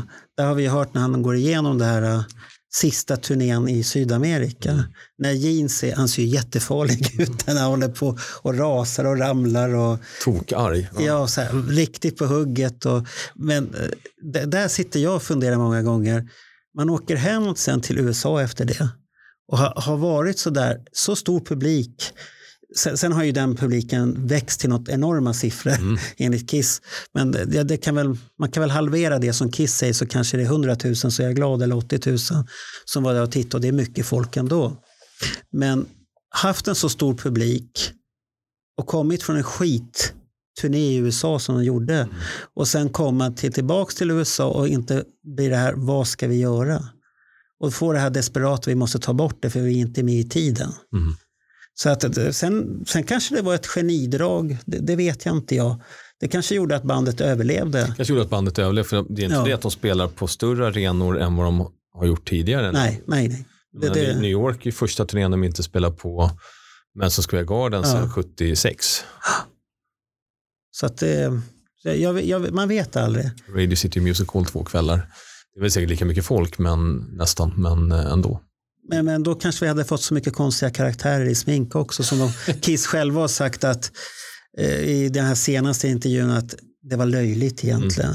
Vi skulle ha hållit till de här original Mm. som var, för det, det är det som är Kiss. Men det kunde de ju samtidigt eftersom eh, Nej, nej, nej. Men det, det, Ace de, hade aldrig sagt okej till det 83, 82, 83 att säga Vinny får ta min sminkning. men han låg ju rätt så på botten. Rätt summa pengar så hade han sagt ja. Ja, men de pengarna fanns ju inte. Nej, det, det, det, det, det är ju Ingen- problemet. Ingen hade de pengarna. Nej. Nej, där är problemet att de pengarna fanns inte men det hade inte varit svårt att övertala varken Peter Criss eller Ace Frehley att sälja det redan då. Hade pengarna funnits men kreditkortet kanske var det fanns inte kvar kreditkort, det var ju jurister istället då. Precis. Jag är lite osäker på Ja, det. så att det, Om Ace det, verkligen hade släppt det där. Tror jag jo, det tror jag. Pe, pe, de här två är pengar mm. Och det har det alltid varit och det vet vi själva. Peter Criss har varit grinig när Jag, det tro, inte är pengar. jag tror att vad vi får göra är att titta tillbaka på något av Alexander Bergdahls poddar när han läser igenom de här eh, aktiebolagsdokumenten som han tydligen har en, en oändlig mängd utav. Eh, jag menar, du kan ju gå ner nästan på datumet och se liksom både vem som fick dem, de här dokumenten, eh, vad det fanns för pengar. Eh, nu får ni fan med dra ner på utgifterna grabbar, grejen och så vidare. Och, och mitt spo- spontana minne från de poddarna som jag lyssnade på var att det fanns inga sådana pengar överhuvudtaget. Utan gilla, gilla läget grabbar. Jo, jo, men det finns en rolig grej där som man ska ta i åtanke. Det är att de har gjort av med Bill O'Coin och så har de tagit dit ett gäng jurister. Vad fan tror inte det har kostat? Fast de, var inte det samma jurister som redan fanns inkopplade? Jo, men det, det har ju kostat mer än vad Ja. Bill O'Coin har kostat. Säkert. Han var billig Mm. jämfört med de här jepparna. De skiter väl i Kiss.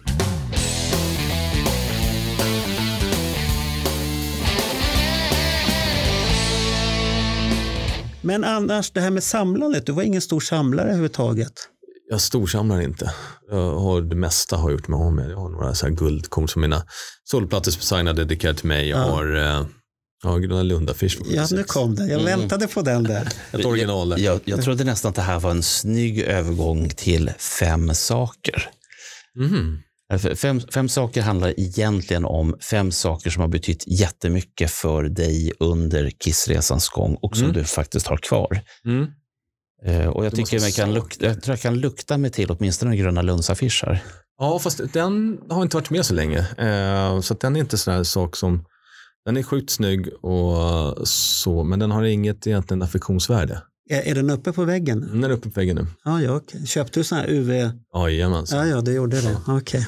UV-glas och grejer. För, för du är dessutom en av de få som har en originalaffisch och inte de här nytrycken som finns. Inte ett original. Ja. För, för det vet jag ju, från så här 76, jag var 13 och ett halvt och de satt ju i tunnelbanan överallt. De satt på Gröna Lund. Men De på, gan- de på gröna var större. ja. Mm. Men poängen var, eh, som jag vill komma till det var att vi var väldigt så här försynta. Vi var inte den som liksom gick och snodde eller rev ner affischer överhuvudtaget, för det vågade vi inte. Man, man gjorde inte det på den tiden. Nej. Då gick, även så här, senare så gick man ju till skivbutikerna och klädaffärerna de satte upp konsertaffischer. Så sa man, så här, hej den där kissaffischen Ja. fönstret, kan man få skriva upp sig på den? Ja, sa de då om man inte någon hade gjort det innan. Så Ja. skrev de ens namn på baksidan. Och så fick man gå dit efter konserten och så fick man affischen. Ehm, så jag, jag hade 83, 84, 88 hade jag som jag fick på det sättet. Och sen har 80 har jag också. Men den är inte vacker. Den är apful alltså. Ja, det, det är så konstiga Och färger. den har inte heller någon sån här äh, affektionsvärde för mig. Ja, soloplattan är, om vi tar det som en grej, Ja, eh, så är det ett jättestort affektionsvärde. För jag träffade ju alla fyra medlemmarna 94 inom tre månaders tid.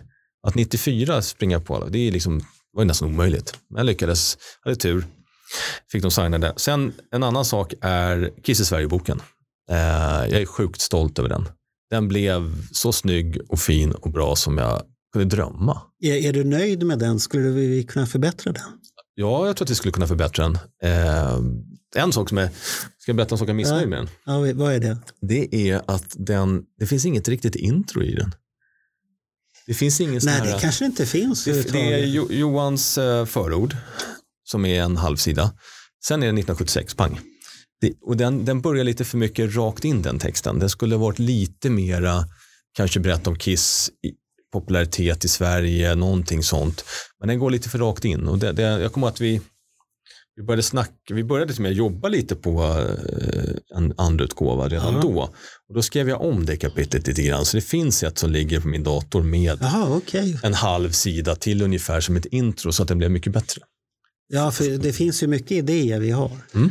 Så att vi, vi får se vad som händer här nu. Vi måste bara vänta att gubbarna går i pension. Att de håller sig till ord och Ja. kör sin sista spelning här någon gång. Sen, sen kan det hända saker. I- då- Då vill jag gärna ta upp en liten detalj som jag kan tycka är viktigt. Det här påminner lite grann om när eh, eh, Bruce Kulick får lära Ace Frehley hans gamla ackord igen. Jag Eh, menar Tommy Thay. Ja, han också Ja. för den delen. Men för, för mig då, som var borta i så många år, från ja, 84, 85-ish, fram till 2016. Den här boken har ju helt enkelt friskat upp mitt minne. Eh, saker som jag inte kommer ihåg eller saker jag inte har haft en susning om under, under de här sjukt många åren. Så den har ju räddat mig på det viset. Den och sen boken med alla konserter sen Kiss Alive Forever. Tack. Eh, de två har ju betytt enormt mycket för, för min vidareutveckling kring Kiss och för att kunna komma tillbaks och åtminstone försöka och ta alla de här åren som jag har missat och försöka få in dem i huvudet på något, på något bra vis. Så att, eh, jag säger bara det att alla ni som har varit inblandade i Kiss i Sverige-boken, både ni som sitter här och ni som lyssnar, tack för att ni har fixat de här åren i mitt huvud. Så det, men det är ju häftigt att du har fått tillbaka det då. Ja. När du ändå var där i din garderob och stöka och hade det. Ja, men då blir det, det var ju bra att du fick någonting. Ja, ja, ja men, men, men jag, har ju, jag har ju liksom inte läst boken förrän, förrän jag kom ut ur garderoben. Precis. Och speciellt då efter jag började göra den här lilla vloggen som mm, kommer då och då på, på YouTube. Den har ju betytt väldigt mycket för att liksom se, men, men har jag rätt nu? Kommer jag ihåg rätt nu? Men vad hade du mer för saker eller grejer som har betytt då? History tycker jag ändå är en sak också som jag den första boken. Och jag, ja, den innehåller massa felaktigheter och det är lite konstiga saker och i fel ordning och sånt. Ja. Men i helhet så är det en fantastisk bok med otroliga bilder ändå och det är otrolig information. Sen så får man ju sålla lite där. Sen fattar jag inte den här serietidningen som är på 40 sidor i mitten, den kunde man skickat. Fantastisk samling av kissmyten. För det är ändå en kissmyt det är liksom. Var, var du där på Kiss-expot i Stockholm och bläddrade i den? Det var ju ett ex där. Kommer inte jag ihåg. Första Kiss-expot.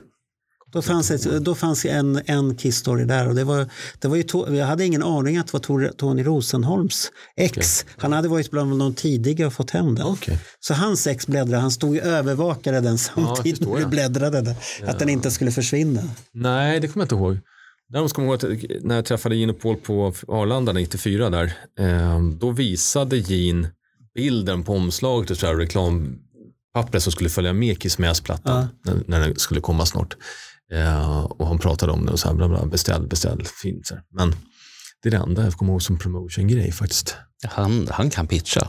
Han kan pitcha. Ja, men han, han är ju mycket för det här att ja, prata om sina grejer och Ja, ibland blir det precis. lite fel också. Då. Det var tre grejer. Ja. Två grejer till. Nej, jag får passa där. Det får bli topp tre. Du, har- du jag, tog, jag, det. jag tog fyra solplattor. Ja, ja, det, får det, det, men det är svårt det där man ska... Ja, för just om jag vill ha någon nostalgi. Sen visst, idag är det så att ja. Grönlund-affischen är självklar. Ehm, den är så otroligt snygg och häftig. Nej, det är nog det som jag har, som jag tycker är riktigt roligt. Du, du har aldrig köpt merchandise och sånt här? Och... Nej, jag var rätt lugn med det faktiskt. Jag köpte lite grejer, men eh, det är mest 70-talsgrejer som jag tycker är coola. Ja, okej. Och de är ju så jävla dyra. Plus att jag tycker inte att de är, det mesta är ju inte så intressant där heller. Och, vad ska jag med 14 dockor till? Liksom? Vad ska jag Om man backar tillbaka till när du var Mm. hyfsat nybliven Kiss-fan Mm. och ganska ung, för du var ju i den här 12-års Mm. eh, åldern. Och då har man ju fortfarande samlaren, Mm. bor fortfarande kvar igen. Jo, men jag har alltid varit en stor samlare av, på andra sätt. Jag samlar serietidningar som en galning och eh, allt möjligt. Jaså, samlar du på det? Jag gjorde. Du gjorde? Inte längre? Nej, Var är Läderlappen då? Spindelman. Alltså Spindelmannen, inte Läderlappen också? Ja, jag samlar på alla Ja, serietidningar. okej. Gigant och Stålpojken. Giga- ja, just det, och de Ja, det är- inte, inte Fantomen, nej. Det är superhjältar alltså? Ja, superhjältar var det. Okej. Eh, Marco, Ja. tror du mig ifall jag säger att jag har en hyfsat komplett samling av stålmän, eh, stålpojkar och gigant i min samling under trappen? Och den ingår inte i volten som vi har pratat om gånger, utan den, den står liksom lite bredvid volten. Eh, men absolut ingen Marvel. För Marvel... Jag, jag kan ju bara säga här nu till våra lyssnare, när vi spelade in förra podden så gick han runt där och skulle visa. Hans lägenhet är ju en jätteman-cave. Mhm. Han har ju skivor och skit överallt hos CD-skivor. Det vet jag inget om. Du kommer aldrig få en kvinna. Det spelar ingen roll om du är med i första dejten. Direkt om de kommer hem så vänder de ju på klacken.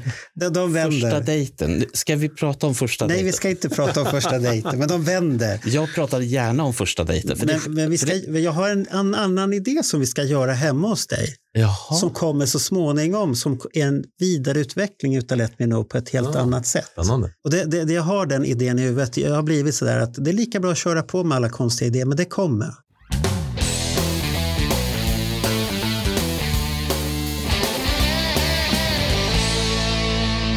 Men när de här bästa konserten du har varit, som har varit den absolut bästa, det var, det var 96 eller är det någon 96 är upplevelsen, hela Ja. Kiss-upplevelsen. Det, det var, den konserten var magisk. Alltså, man hade ju ståpäls hela gigget, eller egentligen hade man ståpälsen innan gigget och sen hög efter. Och det som var lite roligt där, det var, jag var en av de lyckliga som fick ta på biljetter, en hel bunt biljetter. Eh, jag hade vänner som skulle ha de mesta, men så hade jag till slut en biljett kvar.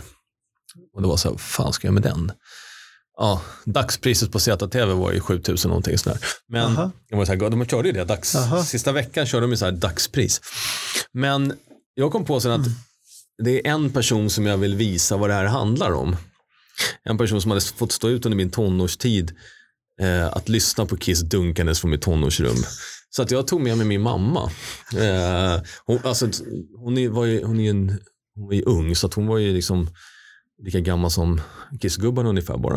Eh, men hon hängde med eh, och tyckte att det var jättekul. Så hon fick se liksom, vad handlar det här om? Vad är det för tokerier? Han... Hade hon ståplats? Mm. Hon, var, hon var bara 40. Ja, det var ingenting. Nej, så det var... Flörtade hon med Jean?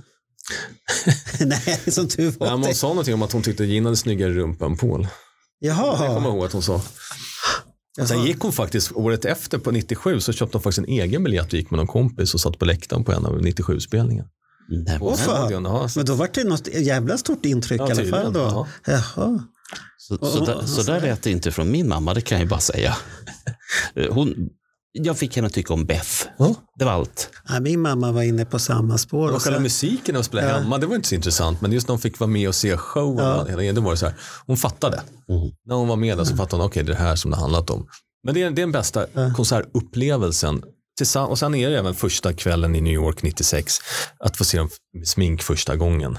Det som man aldrig trodde. Man har ju varit fan då i 15 år.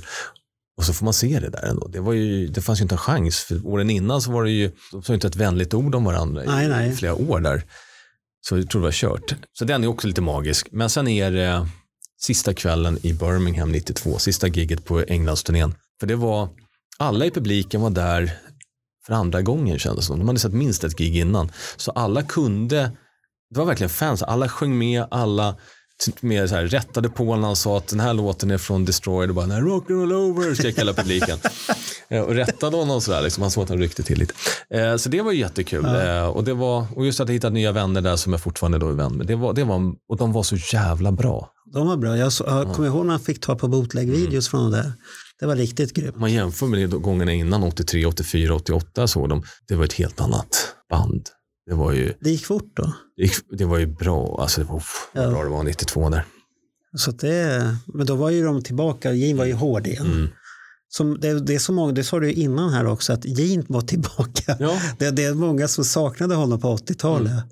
Ja, men hjärnan måste vara där för att det ska bli riktigt bra. Liksom. Han var ju inte där till 100 procent. Det, det, var, det var inte tänt på hans Cadillac Dreams där, Oh, den är okej. men inte mer. Nej, det finns bättre Gene-låtar. Ja, det, Ja. ja. Och Murder in High Heels. ja, ja.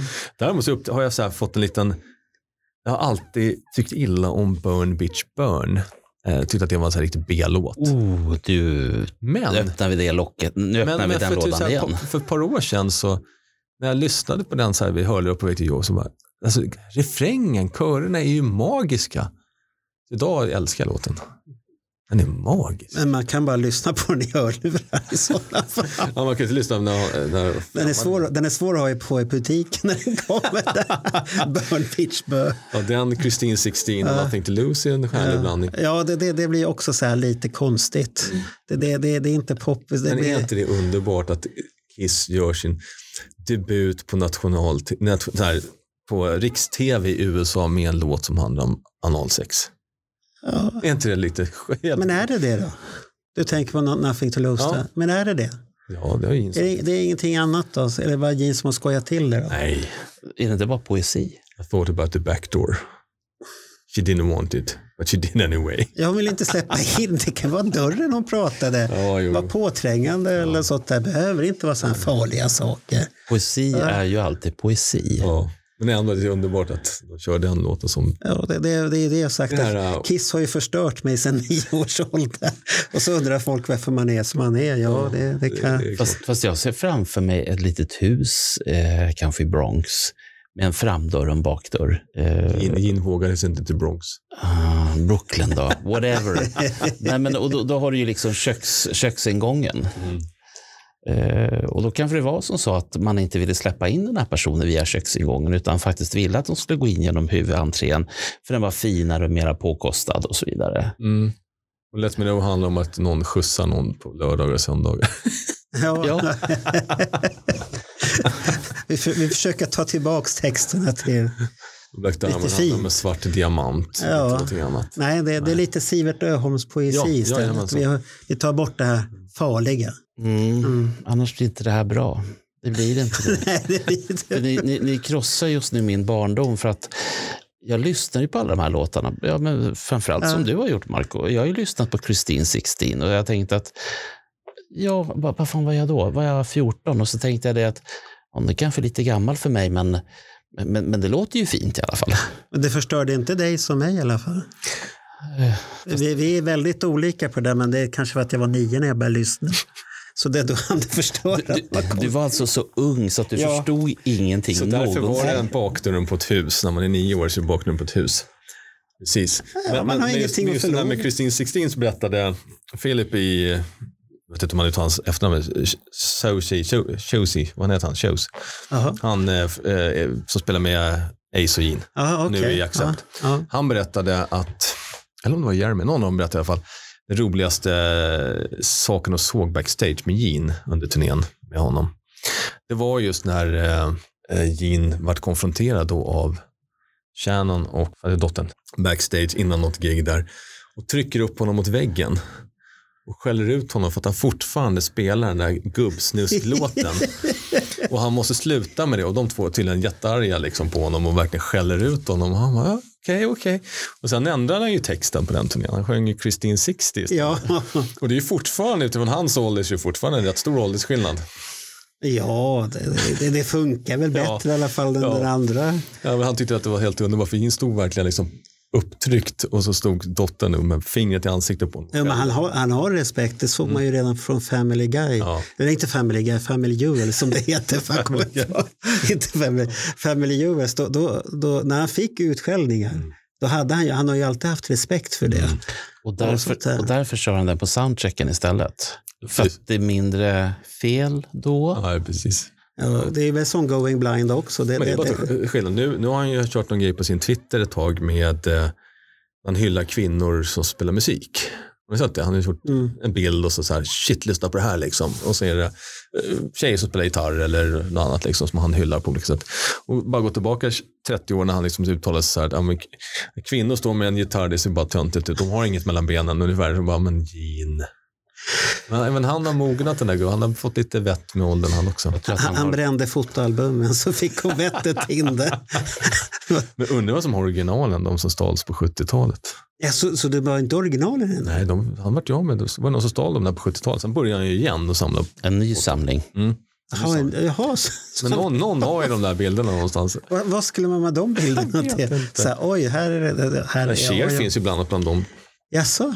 Ja, då vart det ju intressant. Då måste vi börja samla på de där bilderna. Glöm inte eh, Diana Ross. Nej, just det. Det är ju samma period. Den där frågan är ju jättespännande egentligen. Någon borde ha den, eftersom den inte finns i hans ägo.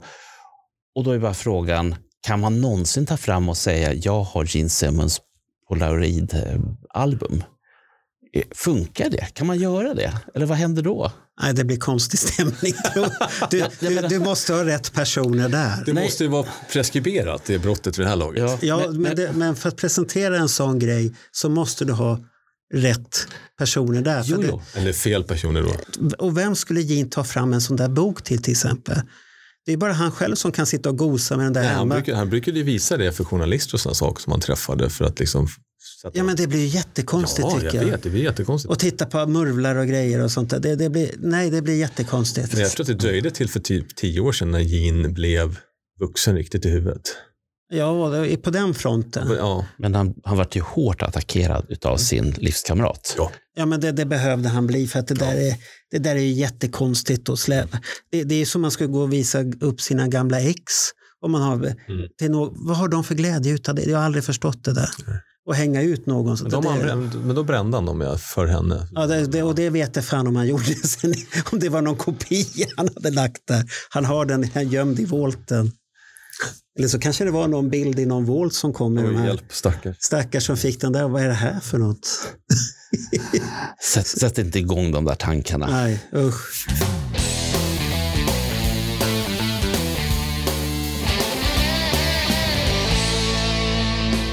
Det här skrivna ordet är väldigt viktigt för mig och det var väl en anledning till att jag liksom trappade upp. Jag har ju egentligen jobbat med saker och ting för Destroyer Magazine 20 år närmare tror jag. Någonting. Liksom. Ja, du gjorde artiklar först. Lite, ja. lite artiklar, lite recensioner och sådär.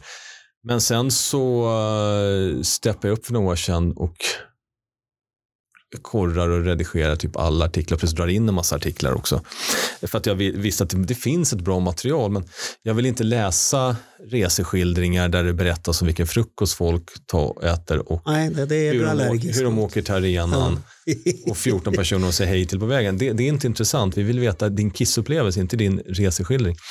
Och det, jag tycker väl att, jag har fått lite signaler som säger att de tycker att texterna har blivit bättre senaste tiden. Jo, men det har de blivit. Och det, det glädjer mig jättemycket för Mm. att det är viktigt och jag vill inte släppa igenom en text som inte är bra. Nej, nej, men det, men det ska man vara Jag har kritisk ref, refuserat en hel del artiklar som egentligen som har landat i vår lilla Dropbox-mapp och så har jag Men, men, men samtidigt har ju du startat då en trend Mm. att både de andra som sitter i redaktionen och vår chefredaktör Niklas, han har blivit själv hårdare också. Mm. Han, han, han tackar inte ja till vad som helst längre. Nej. Och sen är det folk som har skickat in artiklar ibland som kanske är bra i sig men Ja. de passar ändå inte in. Vi, vi har ju kört den här som sagt, When Lightning Struck då igen. Ja. eh, som handlar om plattor. Och då är det någon som sen har skickat in en, en helt okej artikel där den berättar om Unmasked och sin egen upplevelse. Men vi har redan haft Unmasked. Ja. Blir, vi kan inte ta en till, det blir kaka på kaka. Ja. Och vi har ju ingen hemsida längre som gör den Nej. biten. Det- För det, det var ingen som orkade hålla på med det. Då kan man göra en podd av just den. Det kan man ju göra. i sådana fall poddavsnitt och diskutera så, för det är en annan sak. Mm. Men, Ja, men göra i tryckt version Mm. blir nog kaka på kaka.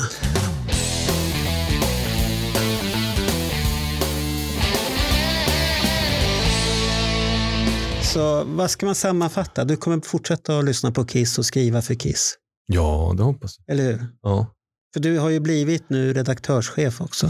ja eh, med allt det Ja. ansvaret innebär. Sen hoppas jag att det, det, det finns en bok att dra ur någon. Men, men söker vi fler skribenter? Ja, det gör vi. Ja. Både sådana som kanske vill skriva regelbundet om saker och ting men också enstaka grejer. Och där är det bäst att man tar kontakt av någon av oss på Kiss Army Sweden.